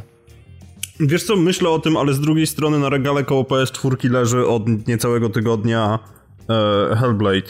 I słyszałem o tej grze tak dużo dobrych rzeczy, że po prostu mam ochotę wsadzić tę płytę do konsoli i zagrać. No, no tak. No, no. Pewnie warto. Ja też mam, ja teraz, też mam na dysku, teraz... też mam na dysku na Xboxa. koniecznie w ten tytuł trzeba grać, bo to naprawdę mega zmienia odbiór gry. Mhm. A by the way, o taki mały off to podnosi Sławek. Powiem wam, że myślałem, że nie znajdę Sławek do wszystkich moich trzech konsol, które teraz posiadam, Okazało się, że znalazłem. Jest model Turtle Beacha, który pasuje mi do wszystkiego. Mam przełącznik na słuchaweczkach i mogę absolutnie używać jednych sławek do wszystkich trzech konsol, więc polecam, jest coś Super. takiego. A one są na kablu czy bezprzewodowe? Znaczy je się ładuje, bo same nausznice mają tam jakieś przetworniki i samą elektronikę, więc y, one muszą być ładowane, natomiast y, są na kablu i podpina się je bezpośrednio do pada PS4 albo do, do Switcha a jeżeli ma się e, ten adapter, e, mm, który był do wersji Xboxowych e, słuchawek wcześniejszych modeli, to można spokojnie wpakować go w ten adapter i wtedy cała obsługa już jest z poziomu pada, który jest ten, tego adapteru, który jest przyczepiony do pada. A jeżeli tego nie mamy, to wystarczy gniazdo 3,5 w tych nowych padach Xboxowych i też sterowanie jest z lewej nausznicy, wszystko tam są dwa pokrętła i odginany bardzo fajny mikrofon, zresztą też nawet niezłej jakości za 200 parę złotych można naprawdę mieć e, fajne sławy do wszystkich konsol, więc polecam. I fajnie wykonane, fajnie izolują, dobrze siedzą na głowie, nie męczą, tak jak te moje poprzednie Turtle Beache, więc dobra rzecz. No to super sprawa, faktycznie. To, to im plus. Ale my o zawodach teraz i konkretnie o, o tych grach, które nas e, faktycznie zawiodły. I tu konkurencja dosyć długa, bo myślę, że to był rok gdzie nie brakowało tego typu zawodów. Mamy tu Battlefield 5, Darksiders 3, Fallout 76, Far Cry 5, Mario Tennis, Metal Gear Survive, Octopath Traveler, Sea of Thieves, Shadow of the Tomb Raider. Mimo wszystko wiem, Dawidzie, że się nie zgadzasz, ale no, ale sugerowałem się też tu dużą liczbą opinii gdzieś tam w internecie. Szczególnie, że przez trzy dni wszedłem praktycznie niemalże ciurkiem i to były trzy długie sesje i nie miałem takiego poczucia, że zmarnowałem czas. Nie? Także, no, ale okej. Okay. 2, The Crew 2, We mhm. Happy Few, Valkyria Chronicles 4 i Vampire. Tak. No więc kurczę, sporo, nie? Sporo tych gier y, jakby zasługuje na nominację i ja na przykład musiałbym tu powiedzieć trochę sporo o Mario Tennis, bo mnie naprawdę wydawało mi się, że Nintendo takie średniowe gier z wybrakowanym kontentem nie robi, a tu się niestety okazało, że że tak dokładnie było, plus straszne problemy z balansem po sieci cały czas, e, mhm. więc ta gra jakby totalnie nie, mhm. Mm, tak, no ona niestety nie przeżyła tego, żeby na, na dłużej jakby się, się wpasować w taką rutynę częstego jej uruchamiania i tutaj niestety duży, duży minus. E, myślę, że Octopath Traveler też podobnie, bo okazało się, że tego grindu jest tam tak, taka masa, że ciężko jest, a fabuła też aż tak nie robi i, i ten tytuł był wszyscy się rali tą grafiką, ale okazało się, że to treść jednak aż tak nie dostarczyła. No i myślę, że The Happy, We Happy Few też, które od samego początku jakby głównie stylistyką i takimi nawiązaniami do Bioshocka czy Dishonored, no mocno, mocno tutaj jakby zyskiwało popularność, a okazało się, że w sumie to taka trochę gra o niczym i jeszcze do tego zabugowana, więc... więc tak, mnie najbardziej zdziwiło w przypadku The We Happy Few mhm. to, że po wyjściu z tej, z, tej, z tej wersji preview tak naprawdę tam się niewiele zmieniło. Nic nie zmieniło, tak. No trochę zmieniło się, zmieniło się menu, zarządzanie as, plecakiem, jakieś tam takie rzeczy. To usprawnienia typowo takie UX-owe, UI-owe, nie? Ale, ale sama gra wyglądała nadal jak taki, kurwa, nie wiem, taki szkic tego, co, co, co będzie w jakiś sposób ulepszone i usprawnione. Ta gra wygląda po prostu mega biednie i ona też y, tak też nadal działa. Ja ją co jakiś czas odpalam i po prostu mówię, kurne, szkoda, no szkoda, bo potencjał był. Potencjał był. Piotrek, ty masz jakieś swoje typy, jeśli chodzi o zawód Moje roku? przemyślenie jest takie, że dla mnie zawodem był rok 2018 i tego się trzymajmy. A nie, dla mnie, jeżeli chodzi o zawód z tej listy, którą tutaj jest, bo nie powiedziałem tego, to oczywiście Far Cry 5. Za to po prostu wysłałbym wszystkich, którzy pracowali przy tej grze na zajęcia, z których nie mogą zrezygnować, zajęcia w BDSM, kurwa, gdzieś w ciemnych piwnicach. Wiem, co jeszcze można by dodać e, do What the Fuck roku, że przy tak średnio, naprawdę średniej ocenie Far Cry'a nagle wychodzi kolejny Far Cry, tam bodajże New Dawn, który tak. nie zmienia kompletnie nic i wygląda jak DLC. No nie, po prostu opryskali się kolorową kredą, nie? No i tylko tyle. I co w ogóle o tym sądzisz, że nagle wymyślili, że dokładnie ten koncept takiego większego jakby odcinania kuponów, no naprawdę seria Far Cry jest dla mnie takim po prostu, wiesz, takim towarem, którym się wyciera gębę i totalnie już żadnej nie, no tak naprawdę Far, Far Cry dla mnie jest od yy, w sumie nie wiem, no 3 i 4 to są, to są absolutne, absolutne wypasy. No trójka to jest y, najlepsza według mnie odsłona serii. E, dwójka, gdyby nie miała pewnych rozwiązań głupich, to też była bardzo wysoko, bo ta Afryka tam była zajebiście pokazana. No tak, tylko że malaria jeżeli, no tak, malaria, do tego nie miałeś siły odkręcić butelki i umierałeś z odwodnienia, no 10 na 10. Tak, I tak, tak. E, patrole, które się non stop pojawiały i... i ob, obozy się regularnie, obozy. obozy. się regularnie robiły, tak. Więc to, tak to... samo jak w piątce, nie? Tam też podobnie. Tak, tak. Więc to jest... Yy to jest, to, no to jest straszne to, co stało się z, tą, z tym tytułem. I teraz zastanawiam się w ogóle, kurwa, co im przyszło do głowy z tym, z tym, z tym z tą odsłoną, ten New Dawn, czy jak to się tam nazywa, więc no nie wiem. I gdzieś widziałem jakiś taki artykuł odnośnie porównania tego, jak bardzo mocno wykorzystane jest to, co było w podstawowej piątce. E, nie wiem, nie wiem. To jest naprawdę. Chyba trzeba położyć krzyżyk na tej, na tej grze. Ja w ogóle nie. Już e, tak jak jarałem się na piątkę i czekałem bardzo mocno i byłem. No po prostu jak dziecko, po prostu czekałem na tą piątkę.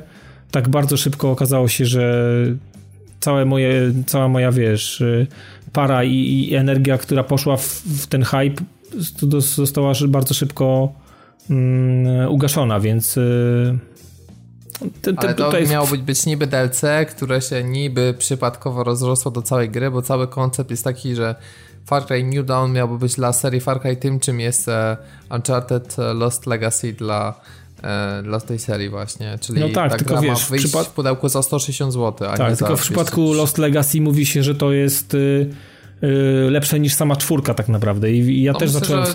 ja też zacząłem tak. w to grać i w ogóle mówię sobie wow, a, a, a już z racji tego, że jestem y, Team Chloe to już jest w ogóle dla mnie gra must have, nie, więc y, mhm.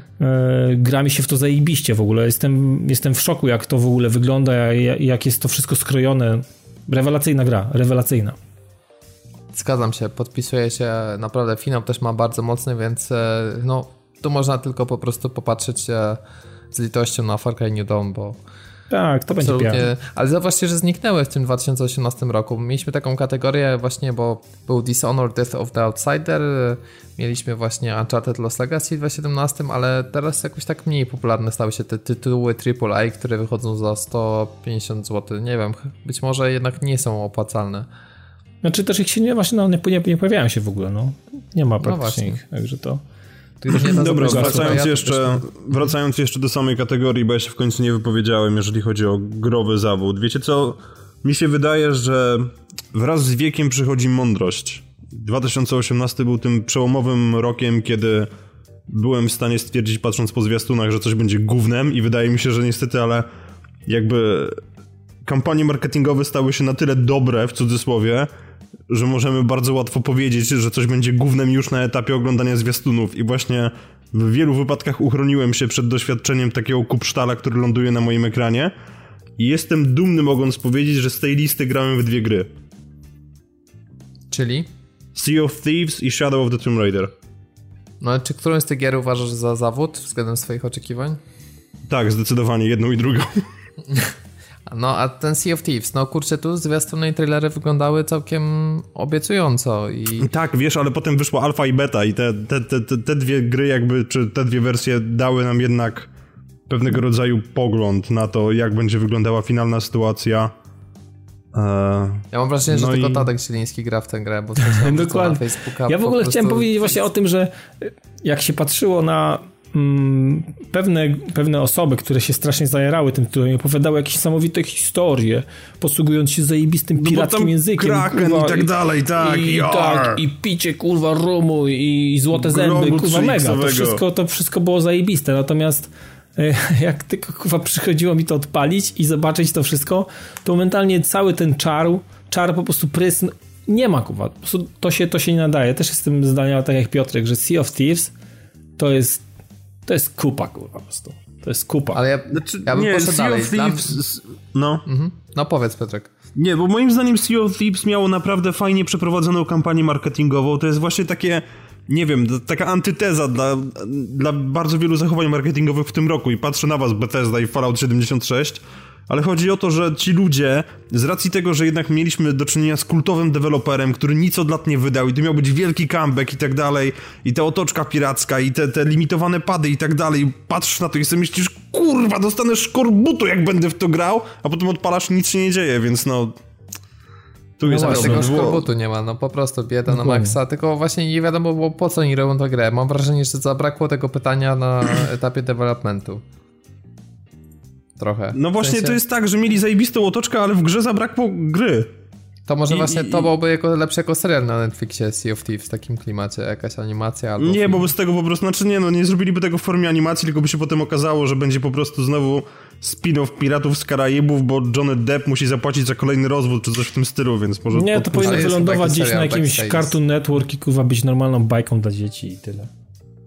Ale ja bym poszedł dalej. Wiecie, moim zdaniem takim dużym zawodem, nie do końca growym, ale ogólnie polityka wydawania gier przez Microsoft w 2018 roku, no bo State of Decay 2 też jest tutaj na tej liście. E, ok, no wyszła Forza Horizon 4, która jakby dostarczyła, ale, ale no to jest taki trochę wyjątek potwierdzający regułę. Poza tym właśnie We Happy Few też było mocno wspierane przez Microsoft i też tu niestety nie wypaliło i ogólnie to, e, tak jak już mówiłem, moim zdaniem teraz to jest e, czas oczekiwania dla Microsoftu i oni dowalą, myślę, masę świetnych gier, e, ale w generacji już niestety przyszłej. I mam wrażenie, że Xbox One X jest rewelacyjnym sprzętem, który nie zostanie wykorzystany w pełni potencjału, ponieważ brakuje im tej magii, która właśnie jest na przykład wśród deweloperów Sony, że wyciskają e, z PS4 Pro na maksa i szkoda, że właśnie brakuje czegoś takiego na konsoli Microsoftu, bo jednak Xy zawsze potrafią zrobić to ten poziom wyżej niż tytuły multiplatformowe i bardzo szkoda, że, że tych gier brakuje. Może się jeszcze pojawią, ale ale Wiesz co, no, nie to, wiem, to mi się wydaje, że coraz czasu. bardziej prawdopodobna staje się teoria, że Xbox One X stanie się po prostu jakby bazową konsolą w kolejnym cyklu i jakby to, to, to będzie trochę, trochę, trochę nam namiesza na rynku, jeżeli rzeczywiście by podjęli taką decyzję, ale wydaje mi się, że o ile Microsoft ma zajebisty sprzęt, to po prostu niecholernie potrafią go wykorzystać i nie mają zwyczajnie szczęścia do ekskluzywów, dlatego 2019, patrząc na kalendarz wydawniczy, mam przeczucie, że sobie odpuszczają po to, żeby po prostu wszystkim studiom deweloperskim, które kupili, tudzież podkupili, po prostu rzucić worek z pieniędzmi i powiedzieć róbcie gry na naszą nową platformę. Słyszałem, że nawet teraz ostatnio gdzieś tam macki finansowe idą w kierunku IO Interactive i właśnie kupienia też twórców Hitmana. E, no bo wiemy, że już na przykład mają Obsidian czy też Ninja Theory. E, no ale tak jak mówisz, ta teoria, że się staje bazową e, Xbox One X konsolą, myślę, że ma dużo sensu i też bym się tego spodziewał.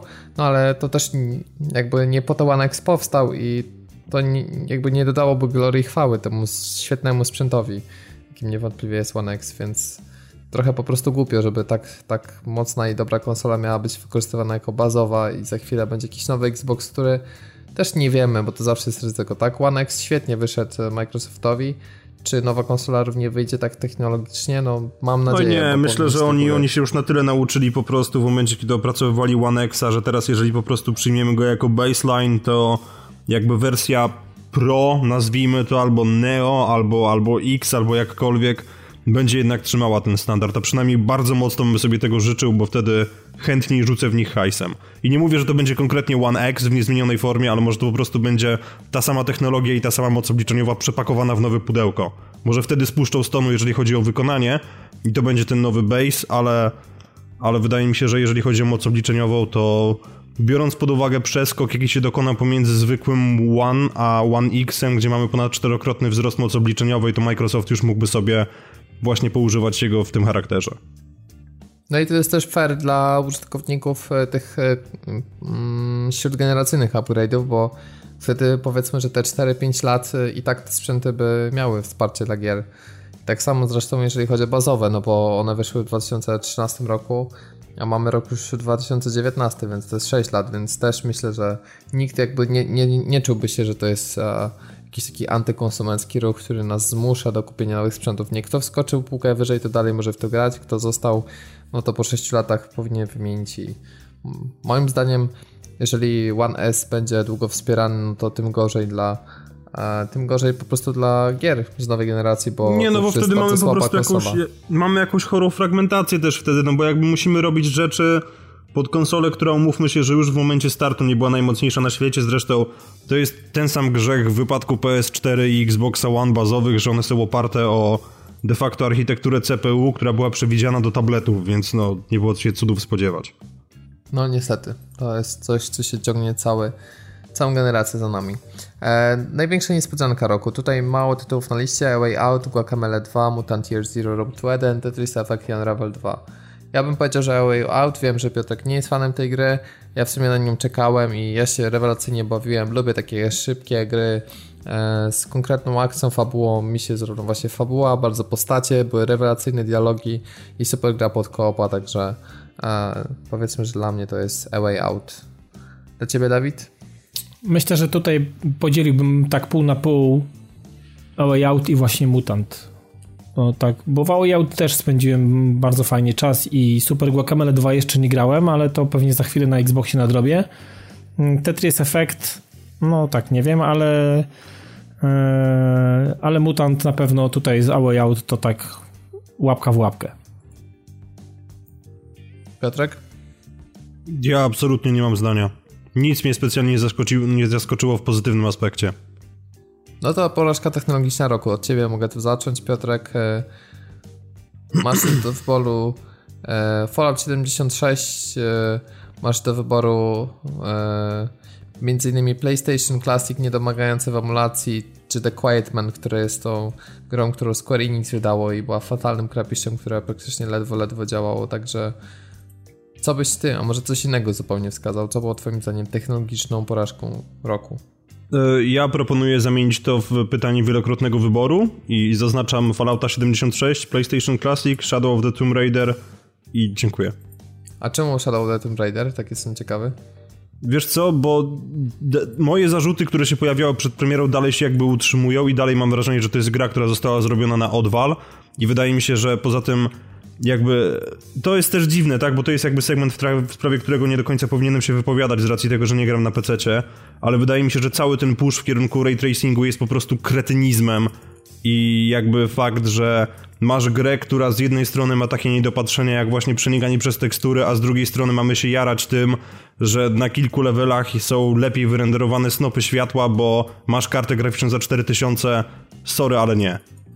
W ogóle dla mnie porażką technologiczną roku chyba też bym nominował Ray Tracing jako w ogóle sam pomysł na to, żeby w tym kierunku iść i to sprzedawać e, znaczy, nie, wiesz co, no, trzeba, trzeba im oddać pewnego rodzaju honor, tak, że w momencie, kiedy biegniesz w tym nowym battle, Battlefieldzie i widzisz swoje odbicie w szybie, to jakby redefiniuje to, w jaki sposób postrzegasz środowisko dookoła siebie, ale z drugiej strony wiem, że, że rozwój technologiczny wymaga pewnego rodzaju poświęceń, ale to nie jest to. I jak czytam newsy, że Polyphony Digital ma jakąś swoją własną technologię ray tracingu, która być może zostanie zaimplementowana w nowym Gran Turismo, to mi się nóż w kieszeni otwiera. Bo jakby to jest coś, co ewentualnie. Tu, tutaj też jest kwestia jeszcze skali implementacji, tak? Ale wydaje mi się, że o ile w Battlefieldach i innych tego typu rzeczach jeszcze okej, okay, niech będzie, że to jest dla zboczeńców, którzy lubią sobie jednak po prostu popatrzeć na niektóre rzeczy, to jeżeli ktoś to wprowadzi do konsol, to będzie po prostu pogrzeb i, i, i porażka. Więc znaczy jakby... Ja, e, żeby było jasne, ray tracing uważam za porażkę technologiczną roku nie dlatego, że jakieś strasznie hejce sam fakt pojawienia się tego, tylko biorąc pod uwagę, jak widziałem, jaka jest implementacja w tym właśnie minionym 2018 roku i jak jeszcze dużo brakuje do tego, żeby to zostało wdrożone zgodnie jakby z założeniami i w pełni wykorzystywało moc tej technologii, no to mam wrażenie, że to trochę jak z VR-em, który przyszedł jakby do nas trochę za szybko i nie byliśmy w stanie w pełni tego wykorzystać. I niestety dla mnie to jest akurat, jeżeli chodzi o rok 2018, porażka, jaki jest stan tej technologii, ile gier to wspiera e, i te, które wspierają w jaki zabugowany i niedopracowany sposób to robią.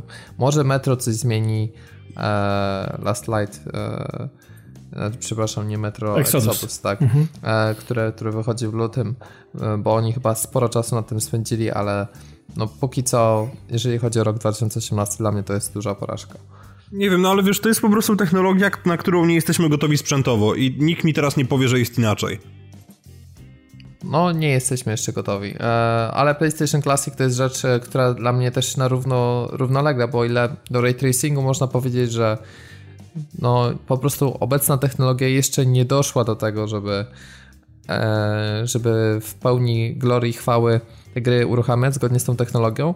Tak Sony, które wrzuca tak słaby, jakiś najprostszy, najtańszy chiński chip i open source'ową emulację do PlayStation Classic, jeszcze, że jak się okazuje, że te gry działają w 50 klatkach zamiast w 60 i właśnie prawdopodobnie dlatego, że nie utrzymałyby tych 60 klatek, no to mimo wszystko, jak z tej strony na to patrzę, to jednak Sony powinno dostać najostrzej po łapach właśnie za PS Classic, które po prostu absolutnie jest fatalnym sprzętem i szkoda, bo pudełko wykonane dokładnie tak jak oryginalne, e, kwestia łączenia tych padów, wyglądu konsoli parę osób widać włożyło serce w ten projekt, natomiast e, niestety nie te osoby, które są odpowiedzialne za dobór e, właśnie chipu, sposobu emulacji, e, czy też sam fakt, który jest dla mnie totalnie kretyński, go nie rozumiem, dlaczego Sony nie postawiło na cyfrową dystrybucję i możliwość dokupowania gier do PS Classic, dlaczego to ma być 20 tylko zamkniętych tytułów. Przecież ludzie chętnie by kupowali, to byłaby kasa dla nich, żyła złota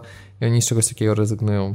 Wiesz dla co? to jednak jest porażka. Jeszcze kolejne pudełko pudełko wydaje... dla kolekcjonerów tak naprawdę, to nie ma żadnej wartości takiej typowo gamingowej. Dobra, to jeżeli chodzi o... Ja tak postrzegam te małe gówna. że multiplayer, w którym spędziliście w tym roku. Graliście coś multiplayer? No Piotrek to pewnie grał w Destiny 2, więc to myślę, że już można pominąć. Tak, ja, ja wróciłem do starych zwyczajów po prostu, które kultywowałem wcześniej, ale znowu od nich odchodzę, bo jakby content, tak jak wspominaliśmy, się trochę skończył.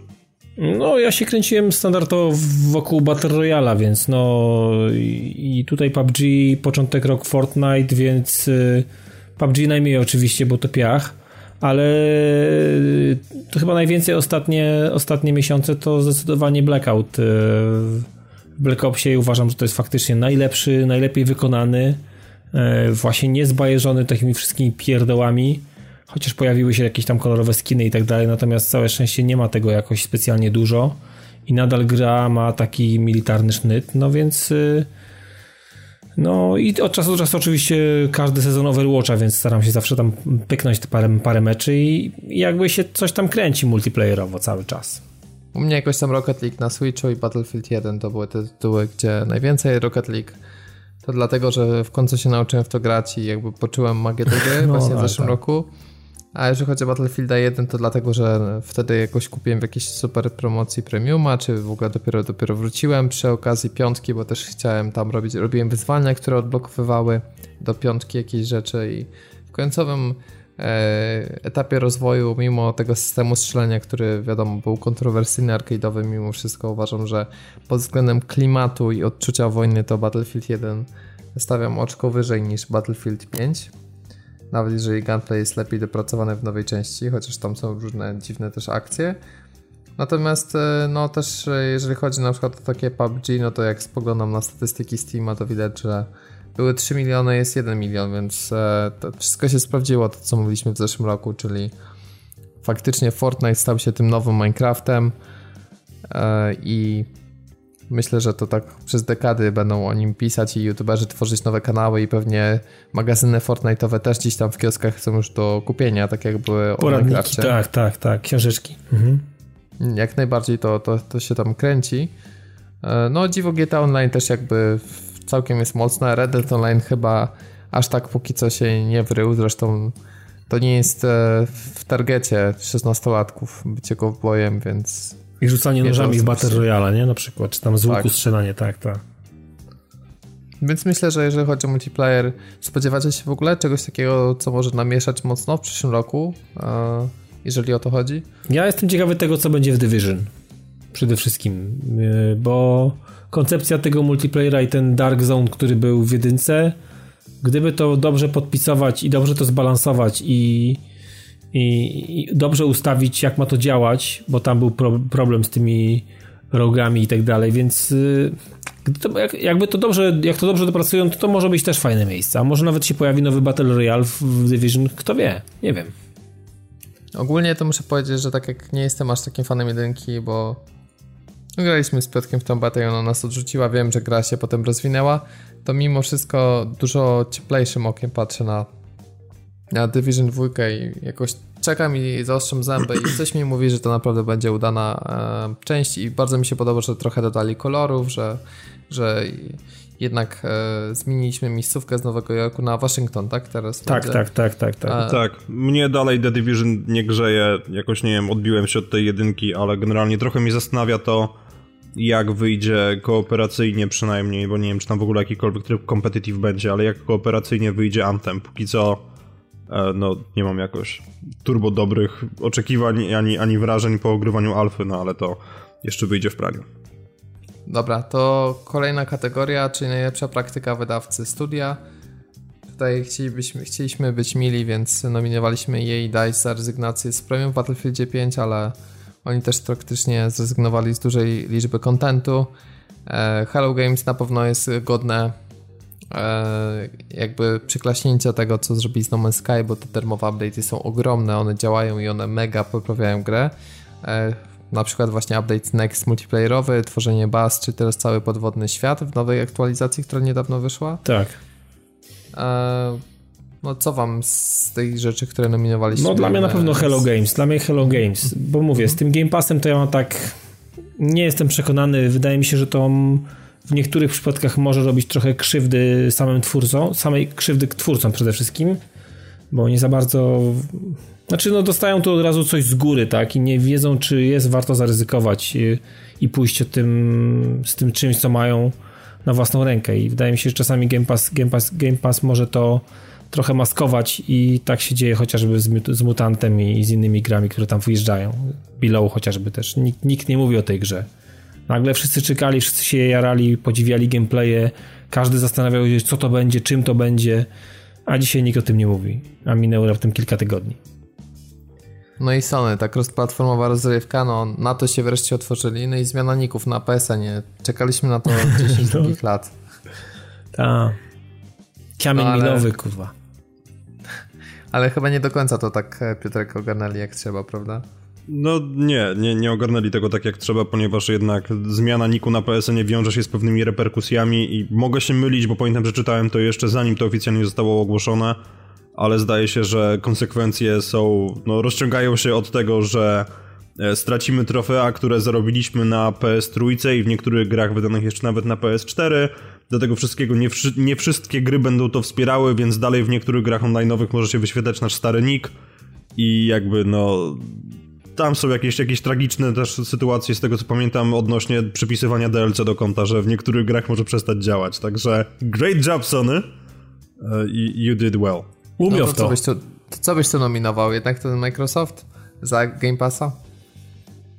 Za Game Passa nie, ale zdecydowanie za tego pada bym nominował, bo, bo to jest moim zdaniem coś, co jest jednak dość ważne i no kurde, fajnie, że, że zdecydowali się na tego typu krok. A druga sprawa jest taka, że Polyphony jednak fajnie, że wspiera swoją giereczkę i no fajnie, że po prostu ją rozwija, chociaż koncepcyjnie ta wizja dalej mi nie pasuje i chcę normalne Gran Turismo z trybem kariery. No dobra, to zostaje to najważniejsza kategoria gra roku 2018 i potem sobie przejdziemy już do omówienia tego, co, co czeka na nas w 2019, na co najbardziej czekamy. Assassin's Creed Odyssey, Bayonetta 2 to dla Ciebie Piotrek, Celeste, Dead Cells, Detroit Become Human, Forza Horizon 4, God of War, Into the Breach, Monster Hunter World, to dla Ciebie Dawid z kolei, Pillars tak, of Eternity 2, Deadfire, Spider-Man, Super Smash Bros. Ultimate i Red Dead Redemption 2. E, no i ja słuchajcie, może znowu tutaj wyjdę przed szereg i to też może być trochę kontrowersyjne, bo z jednej strony mamy Red Deada, który jest super dopracowany i naprawdę e, w wielu aspektach e, no, odciska swoje mocne piętro, piętno, myślę, na innych grach. Mam oczywiście też God of War, który jest świetnie fabularny, klimatyczny, osadzony w mitologię, jako dzieło popkulturowe, naprawdę mocno się broni, jest bardzo mocnym kandydatem do gry roku, ale z jakiejś takiej czystej radości grania i grą, do której najchętniej bym się wracało i która mi daje najwięcej fanu, po prostu takiego relaksu po ciężkim dniu i po prostu radość z każdego nawet najprostszego elementu gameplayu, to dla mnie jest to Spider-Man. I może jestem właśnie też spaczony, że widziałem ostatnio Spider-Man Into the Spider-Verse i jakby na nowo się zajerałem, mimo że ja nie jestem super wielkim fanem Spider-Mana, to jednak e, no naprawdę sposób, w jaki podeszli właśnie do tej postaci, czy w tej animacji, ale w grze właśnie, że niby te same wątki, te same postacie, które już znamy, ale, ale ujęte w taki znowu nowatorski, odpowiednio z humorem sposób. O to, że system walki bardzo fajnie dopracowany, porusz, najlepszy system poruszania się kiedykolwiek w grze o pająkiem, jeżeli chodzi o śmiganie po mieście. Poziom też detali, który został tam dopieszczony w wykonaniu e, miasta. No nie wiem, czy, czy ktoś się ze mną zgodzi, ale właśnie ja bym powiedział, że dla mnie paradoksalnie ten Spider-Man mógł w tym sensie właśnie z grą roku, że jako taki czysty fan a, tego ile sprawiał przyjemności jak chętnie będę do, do którejś z tych gier wracał, to właśnie jest tą grą Spider-Man. I ja się pod tym podpisuję. Tak po prostu po ludzku, bo Insomniak jednak włożyło w to serce, włożyło w to też rozum, co się nie zdarza zbyt często, że te obydwa komponenty ze sobą zgrają, ale tak, postarali się i dowieźli po prostu grę, która z jednej strony ma w sobie ten taki trochę vibe Sunset Overdrive i, i tych takich popierdzielonych arkadowych giereczek pokroju Crazy Taxi, chociaż może to jest trochę na wyrost, ale ta gra po prostu sprawia dziką radość. I jakby to jest to, czego, czego od niej oczekiwałem. E, już na poza anteniu ustaliliśmy, że zresztą DLC są teraz na wyprzedaży, więc coś czuję, że jeszcze będę musiał rzucić hajsem e, w kierunku Sony, żeby, żeby właśnie doświadczyć tego i, i pograć jeszcze nieco więcej, ponieważ ta wizja Petera Parkera i ta wizja Nowego Jorku i tak dalej strasznie po prostu mi siadła, więc tak, nawet mimo całego mojego uwielbienia dla God of War'a i godzin, w zasadzie myślę, że już setek spędzonych w Fordzie Horizon 4, to, to jednak Spider-Man dostaje ode mnie tą statuetkę. Jak to wygląda u ciebie, Dawidzie? W ogóle masz jakąś taką grę, która wyszła mocno ponad inne i niestety nie ma na tej liście Hollow Knight. No wiem, jest... znaczy właśnie właśnie tu jest problem, bo na RDR na pewno nie postawię, bo z całym szacunkiem do tego, o czym ta gra jest, jak ona wygląda, co ona w sobie ma i tak dalej, i tak dalej, jak jest napisana i, i, dialogi i wszystko to, co się dzieje, to jest wszystko ok, to jest wszystko super. Natomiast y, mm, taki mały zrobię myk, że zagłosuję na coś, co widziałem, nie, nie przeszedłem, nie skończyłem, nie grałem w to tak naprawdę. Mm, I postawiłbym chyba w tym wypadku postawiłbym na God of War'a i myślę, że prędzej czy później, raczej prędzej e, i stawiam, że to będzie nawet jeszcze ten miesiąc e, God of War będzie w napędzie mojej PS4 i, i myślę, że nie będę żałował, że postawiłem akurat te tak trochę na ślepo e, na tego God of War'a, ale wydaje mi się, że z tej listy tutaj to nie może być inaczej. Chociaż mówię, tak jak powiedziałem wam, że odnośnie Spidermana, że też uważam, że to jest super. Gdyby to był zupełnie inny setting, gdyby to było coś innego i też tak dobrze wykonanego, to pewnie, pewnie byłoby, byłoby tak, że postawiłbym na, na, na grę właśnie od nich, ale no tutaj ten Spider-Man przykrył mi to tak, e, że jednak nie. A God of War są zawsze mi bliskie sercu i, i z tej listy tak bym to postawił. Więc e, niestety nie Red Dead Redemption na pewno nie. No to Sony w sumie wygrywa, jeżeli chodzi o gry roku, bo pierwsze, drugie miejsce. E, my z Piotrkiem głosowaliśmy we dwóch na Spidermana, więc można powiedzieć, że w taki dość nieoczekiwany sposób to Spider-Man dostaje od nas statuetkę gry roku 2018. Gratulujemy, wyślemy e, nagrodę pocztą. Pantoflową. tak, tak, tak. Co prawda, ale wyślemy. Może jakoś tam dojdzie do twórców. E, a nam e, przychodzi już nie patrzeć się tak bardzo za siebie i w tył, tylko czas pomyśleć o tym, co pojawi się w napędach naszych konsol, sprzętów do grania e, w 2019 roku. No i tak można sobie przejść przez te premiery i zobaczyć, na co my właściwie oczekujemy, bo rozpędza się to niby powoli, ale, ale z takim dosyć mocnym strzałem w postaci Ace Combat 7 Skies Unknown, które Myślę, że zgodzimy się tutaj wspólnie, że jest taką najważniejszą premierą stycznia. No zdecydowanie. Bez dwóch Chociaż... Nie no, ja wiem, że niektórzy, w naszym gronie tak, ale wiem, że niektórzy się jeszcze bardzo często, bardzo mocno uczepią remake'u Resident Evil no 2. No właśnie, to też tak. chciałem odpowiedzieć. Znaczy, żeby było jasne, to jest super, że oni to zrobili i no jakby trudno jest w ogóle dyskutować o tym, że Resident Evil 2 to jest kiepska gra, bo nie jest, bo to jest klasyk, tylko dla mnie właśnie oczko niżej zawsze ląduje z tego względu, że my już wiemy, czego się możemy spodziewać po drugim Rezydencie. Natomiast e, Ace Combat 7 to wciąż jest taka duża niewiadoma. To, to jest tytuł, który przecież jeszcze w tej generacji nie miał żadnej odsłony, który czekaliśmy bardzo długo i mi się wydaje, że właśnie. Ja, to... ja powiem więcej, to jest tytuł, który nie miał żadnej sensownej odsłony od czasów PS2, bo to co było ten, ten to, to co było na PS3, te całe Assault Horizon i, A to było napchane tam na... mikrotransakcje, jakieś kurwa dziwnych rzeczy tam znaczy, było to. Tam, nie, nie, nie, nie, bo Assault Horizon to w ogóle było to, gdzie się przełączałeś na kamerę z widoku działka, jak strzelałeś do kogoś bliżej, to jakieś tam dziwne patenty były w ogóle wciśnięte, a poza tym jeszcze też była ta gra, jakieś, jakieś, jakaś wersja online. No właśnie, to ja mówię o tej e... właśnie, tam gdzie były tam No tak, tak, tak, ja nie tak. pamiętam jak ona się nawet nazywała, a tak poza tym to mieliśmy jeszcze Ace Combat 6 na Xboxa 360, które było turbo biedne pod wieloma względami, więc de facto ostatnią taką pełnoprawną, przynajmniej według mojego serca odsłoną było Ace Combat Zero The Balkan War, które wyszło na PS2. No, no tak, to już, to już jest kupa czasu, więc no... To jest prehistoria. Jesteśmy po prostu wygłodniali i... Co, no mówmy się, o, samoloty to mamy tylko World of Thunder i nic więcej I tak dwa, i, I dwa szturmowi, który był na 360. No, ale to, ale to było niezłe. I Beats of Steel, to też było genialnie zrobione, więc, ale, ale to są takie rzeczy, które... Minęło. To dokładnie, też minęło trochę czasu. A ja raczej Kingdom Hearts 3, bo ja jakoś nigdy nie, nie, nie łapałem hype'u na, na tą serię, nie. więc... Nie. Nie, nie, nie, kompletnie. Ja nie. wiem, że są ludzie, którzy daliby się po prostu za nią pokroić. No, ale wiem. to ja nie jestem jedną z tych osób. 29 stycznia wychodzi, więc jak, e, jak ktoś czeka, no to. to dobrze się. dla nich. Dobrze dla nich, tak. Ja to czekam jeszcze więcej co na metro, czekam na. E, no na Sekiero na pewno. No tak, tak, właśnie metro wychodzi w lutym. Potem e, mamy Sekiero, potem mamy też... 3, na to czekamy, tak, tak, tak, tak, na pewno. I na 100% będę chciał sprawdzić też y, właśnie czy Rage'a dwójkę, y, czy Division.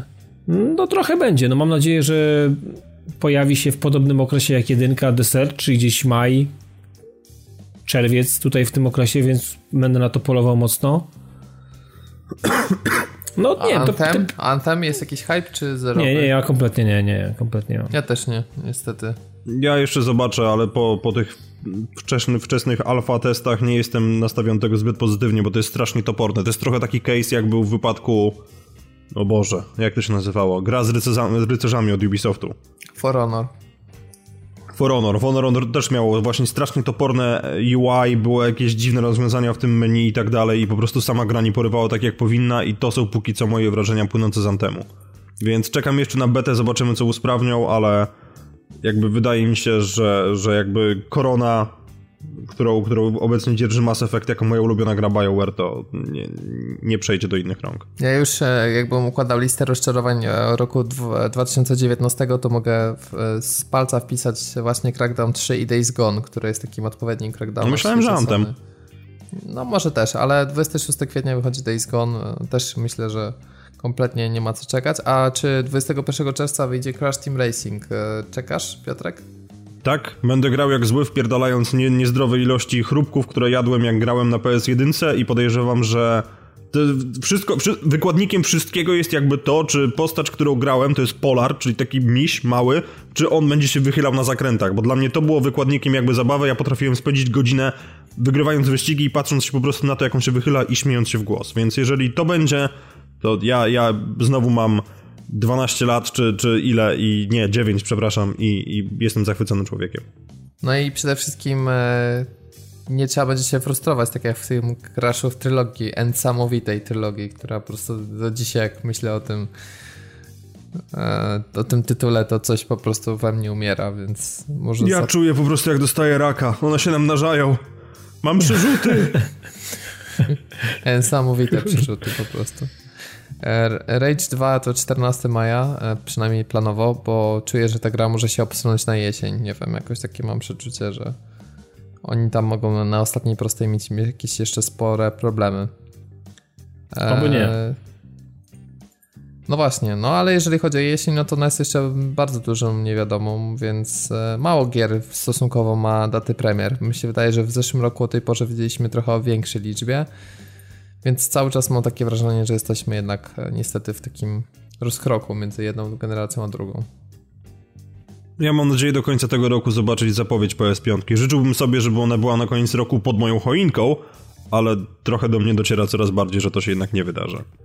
No, ja mi się wydaje, że jest jakaś szansa. Na pewno zastanawiające jest to, że nie mamy daty premier cały czas Ghost of Tsushima oraz e, e, The Last of Us Part 2. Tak, Ghost of Tsushima to też może być niezły killer, kurde.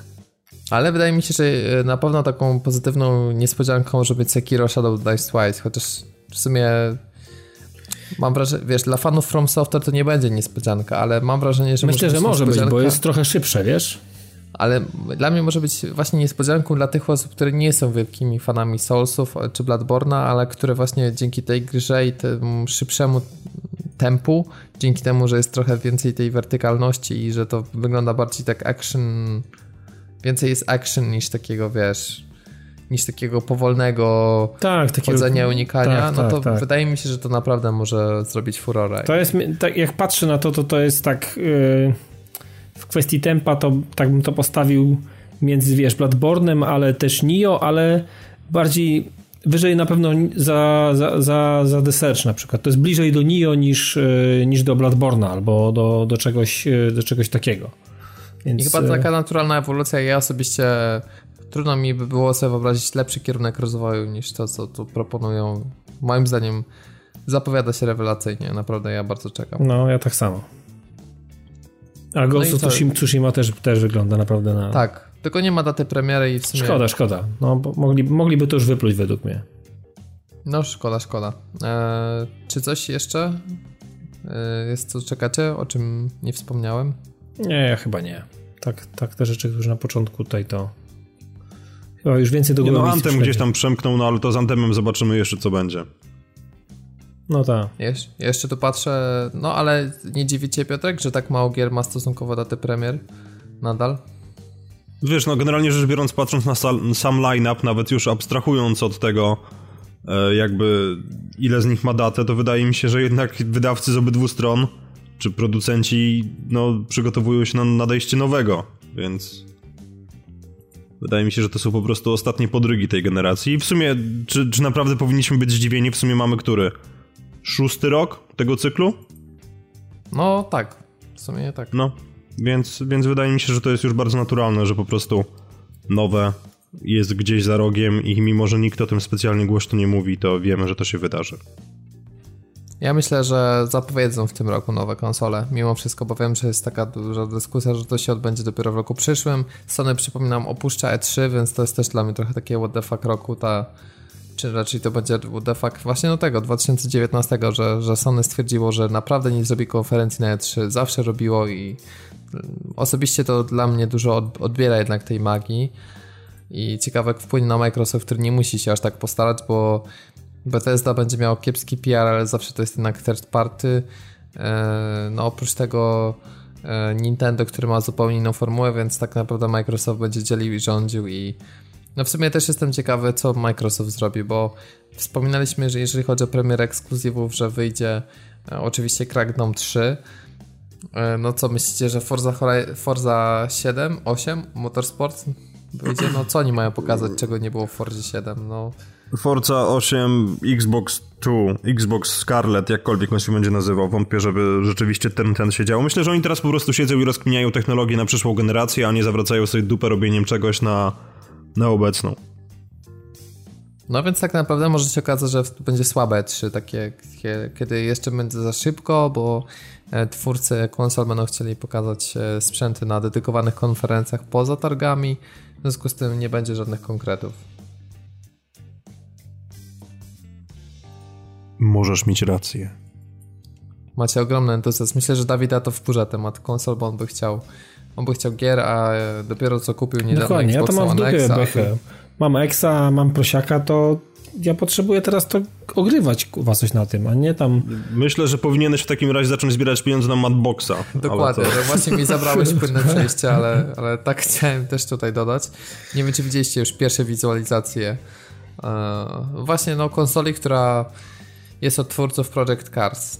No i też szalone pudło e, to jest. E... Robert, właśnie zostałeś szefem marketingu na Polskę. Gratuluję ci. Szalone pudło, jestem kupiony. Szalone. Poproszę w pakiecie z doktorem Dziwago na Blu-rayu. Szalone pudło za ponad 3 lata ma zadebiutować, więc to dosyć szybka zapowiedź, trzeba przyznać, konsoli. No i to ma być najpotężniejsza konsola, jaką kiedykolwiek e, skonstruowano.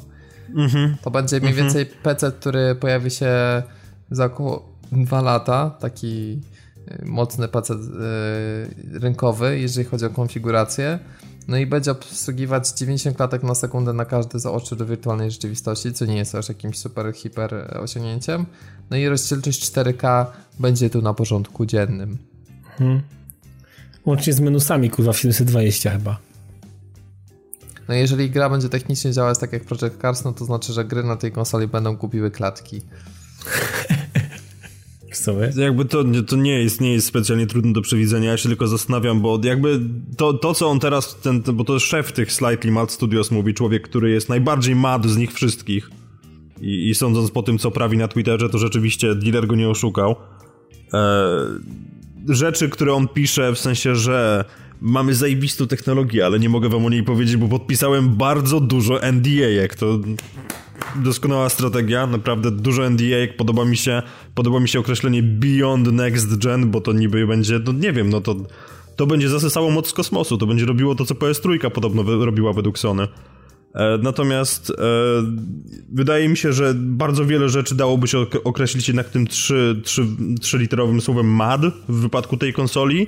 Po pierwsze wątpię, że była to konsola, po drugie nie mam zielonego pojęcia pod kontrolą jakiego systemu będzie działała, a po trzecie póki co designy, które widzieliśmy wyglądają mniej więcej tak, jakby ktoś wstrzyknął esencję takiego pecetowca siedmiolatkowi i powiedział masz zaprojektuj konsolę, bo tam jest wszystko w RGB po prostu i to się świeci jak psu jajca i wygląda okropnie, więc proszę zabierzcie to i niech ten projekt po prostu się wywróci, bo nic dobrego z tego nie wyjdzie. Podejrzewam, że skończy się jakimś limitowanym ranem, gdzie powiedzmy będzie e, 2,5 tysiąca tych konsol, a potem Slightly Mad Studios powie, mmm, wiecie co, to nasz pierwszy projekt hardware'owy i generalnie nie wiedzieliśmy co robimy, więc, więc to nie wyszło, może, może przyszła iteracja będzie lepsza.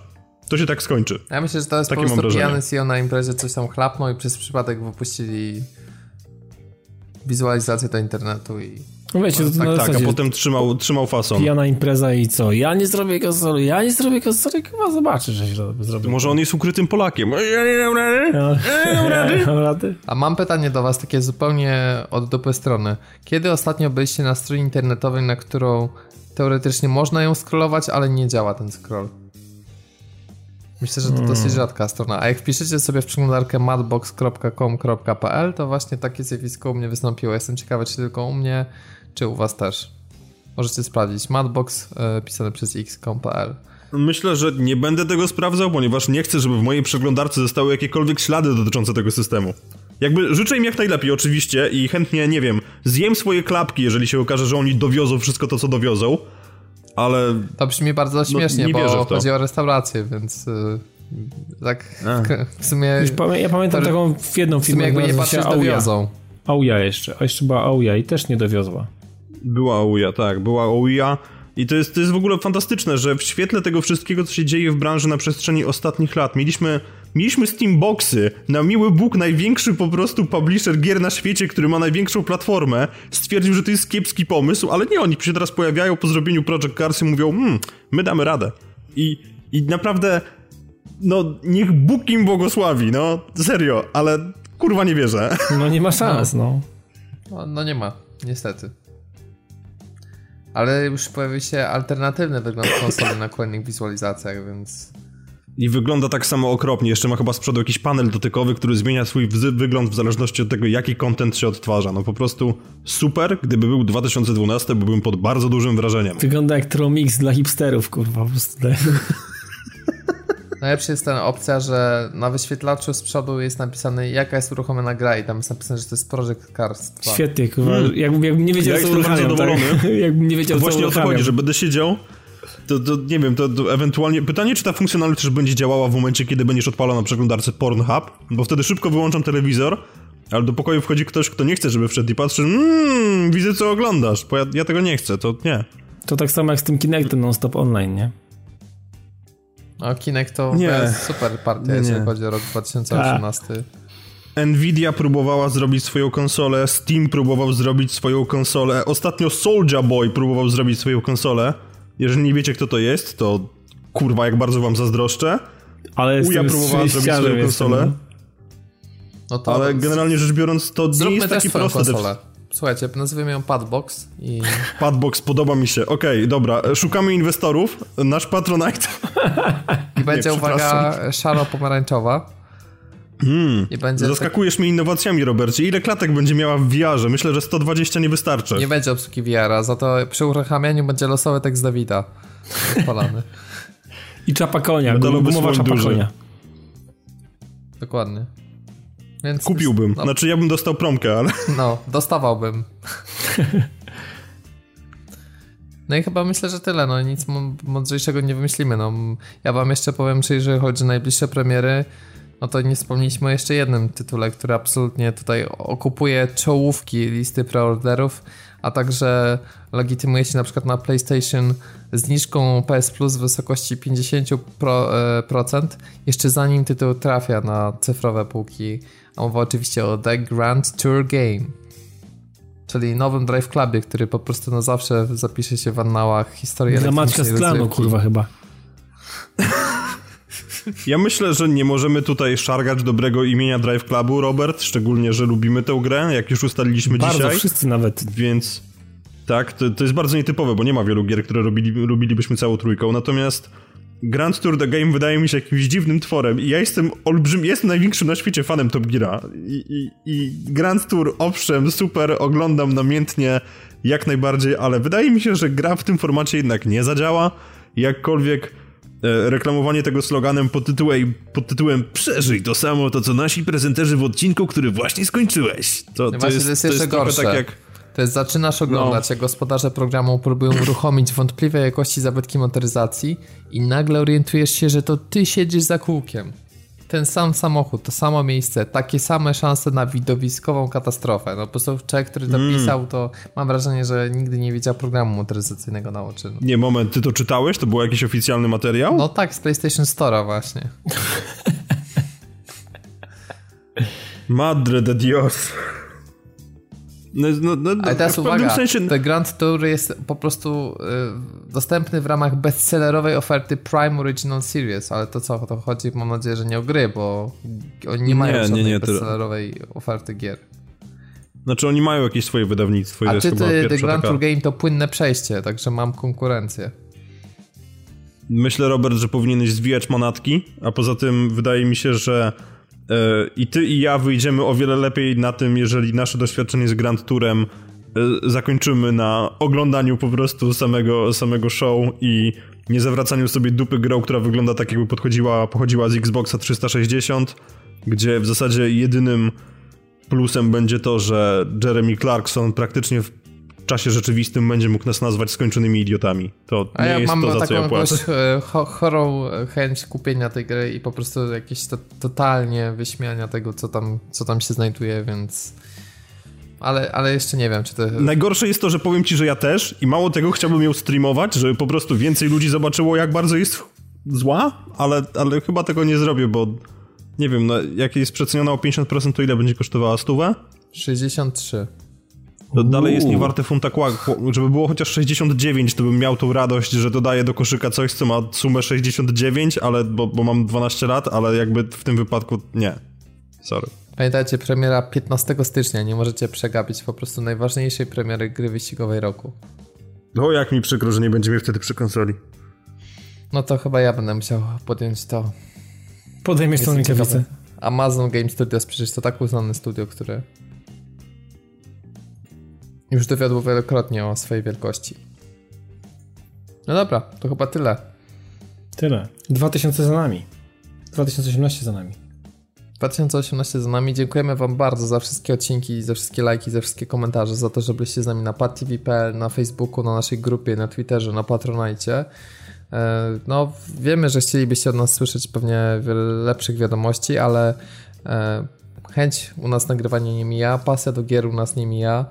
Życie nas chwilowo przytłacza, ale wrócimy mocniejsi i, i myślę, że po prostu lepiej było zakomunikować jasno, że teraz jesteśmy w takim skrajnie nieregularnym cyklu, niż, niż po prostu milczeć, więc, więc po prostu trzymajcie kciuki za to, że, że się karta odmieni i będziemy mogli częściej po prostu zasiadać przy mikrofonie i tak jak dzisiaj sobie o naszym ulubionym giereczkowie trochę pogaworzyć. Tak. No. Ten entuzjazm po prostu zbił mnie z nóg. Poczułem się przy moment jak w Red Dead Redemption 2, bo mniej więcej te odzewki tam to... Tak, właśnie... tam, tam, tam, tam, tam to ja, działa. Ja czuję, tak. że potrzebuję do sercowego za, zastrzyku z adrenaliny po prostu, żeby teraz wstać z kanapy albo chociaż wyłączyć nagrywanie, bo jakby... Tak. To, nie wiem, kurde, to mogę, nie widziałem po prostu nikogo mogę, tak radosnego. Mogę to zrobić zdalnie. Tak. Tak. I wszyscy w tym momencie dołączamy do klubu flatlinersów po prostu. I tym optymistycznym akcentem kończymy 289 odcinek podcastu. Nazywam się Robert Fiałkowski. Dziękuję bardzo za przesłuchanie tego odcinka. Ze mną dzisiaj nagrywał Dawid Maron. Dzięki, do zobaczenia następnym razem. Oraz Piotrek Modzelewski. Niewiary kurwa godne, po prostu trzymajcie się. Trzymajcie się mocno, bo wrócimy kiedyś, ale wrócimy. Pa, pa. Harder, better, faster, stronger i tak dalej.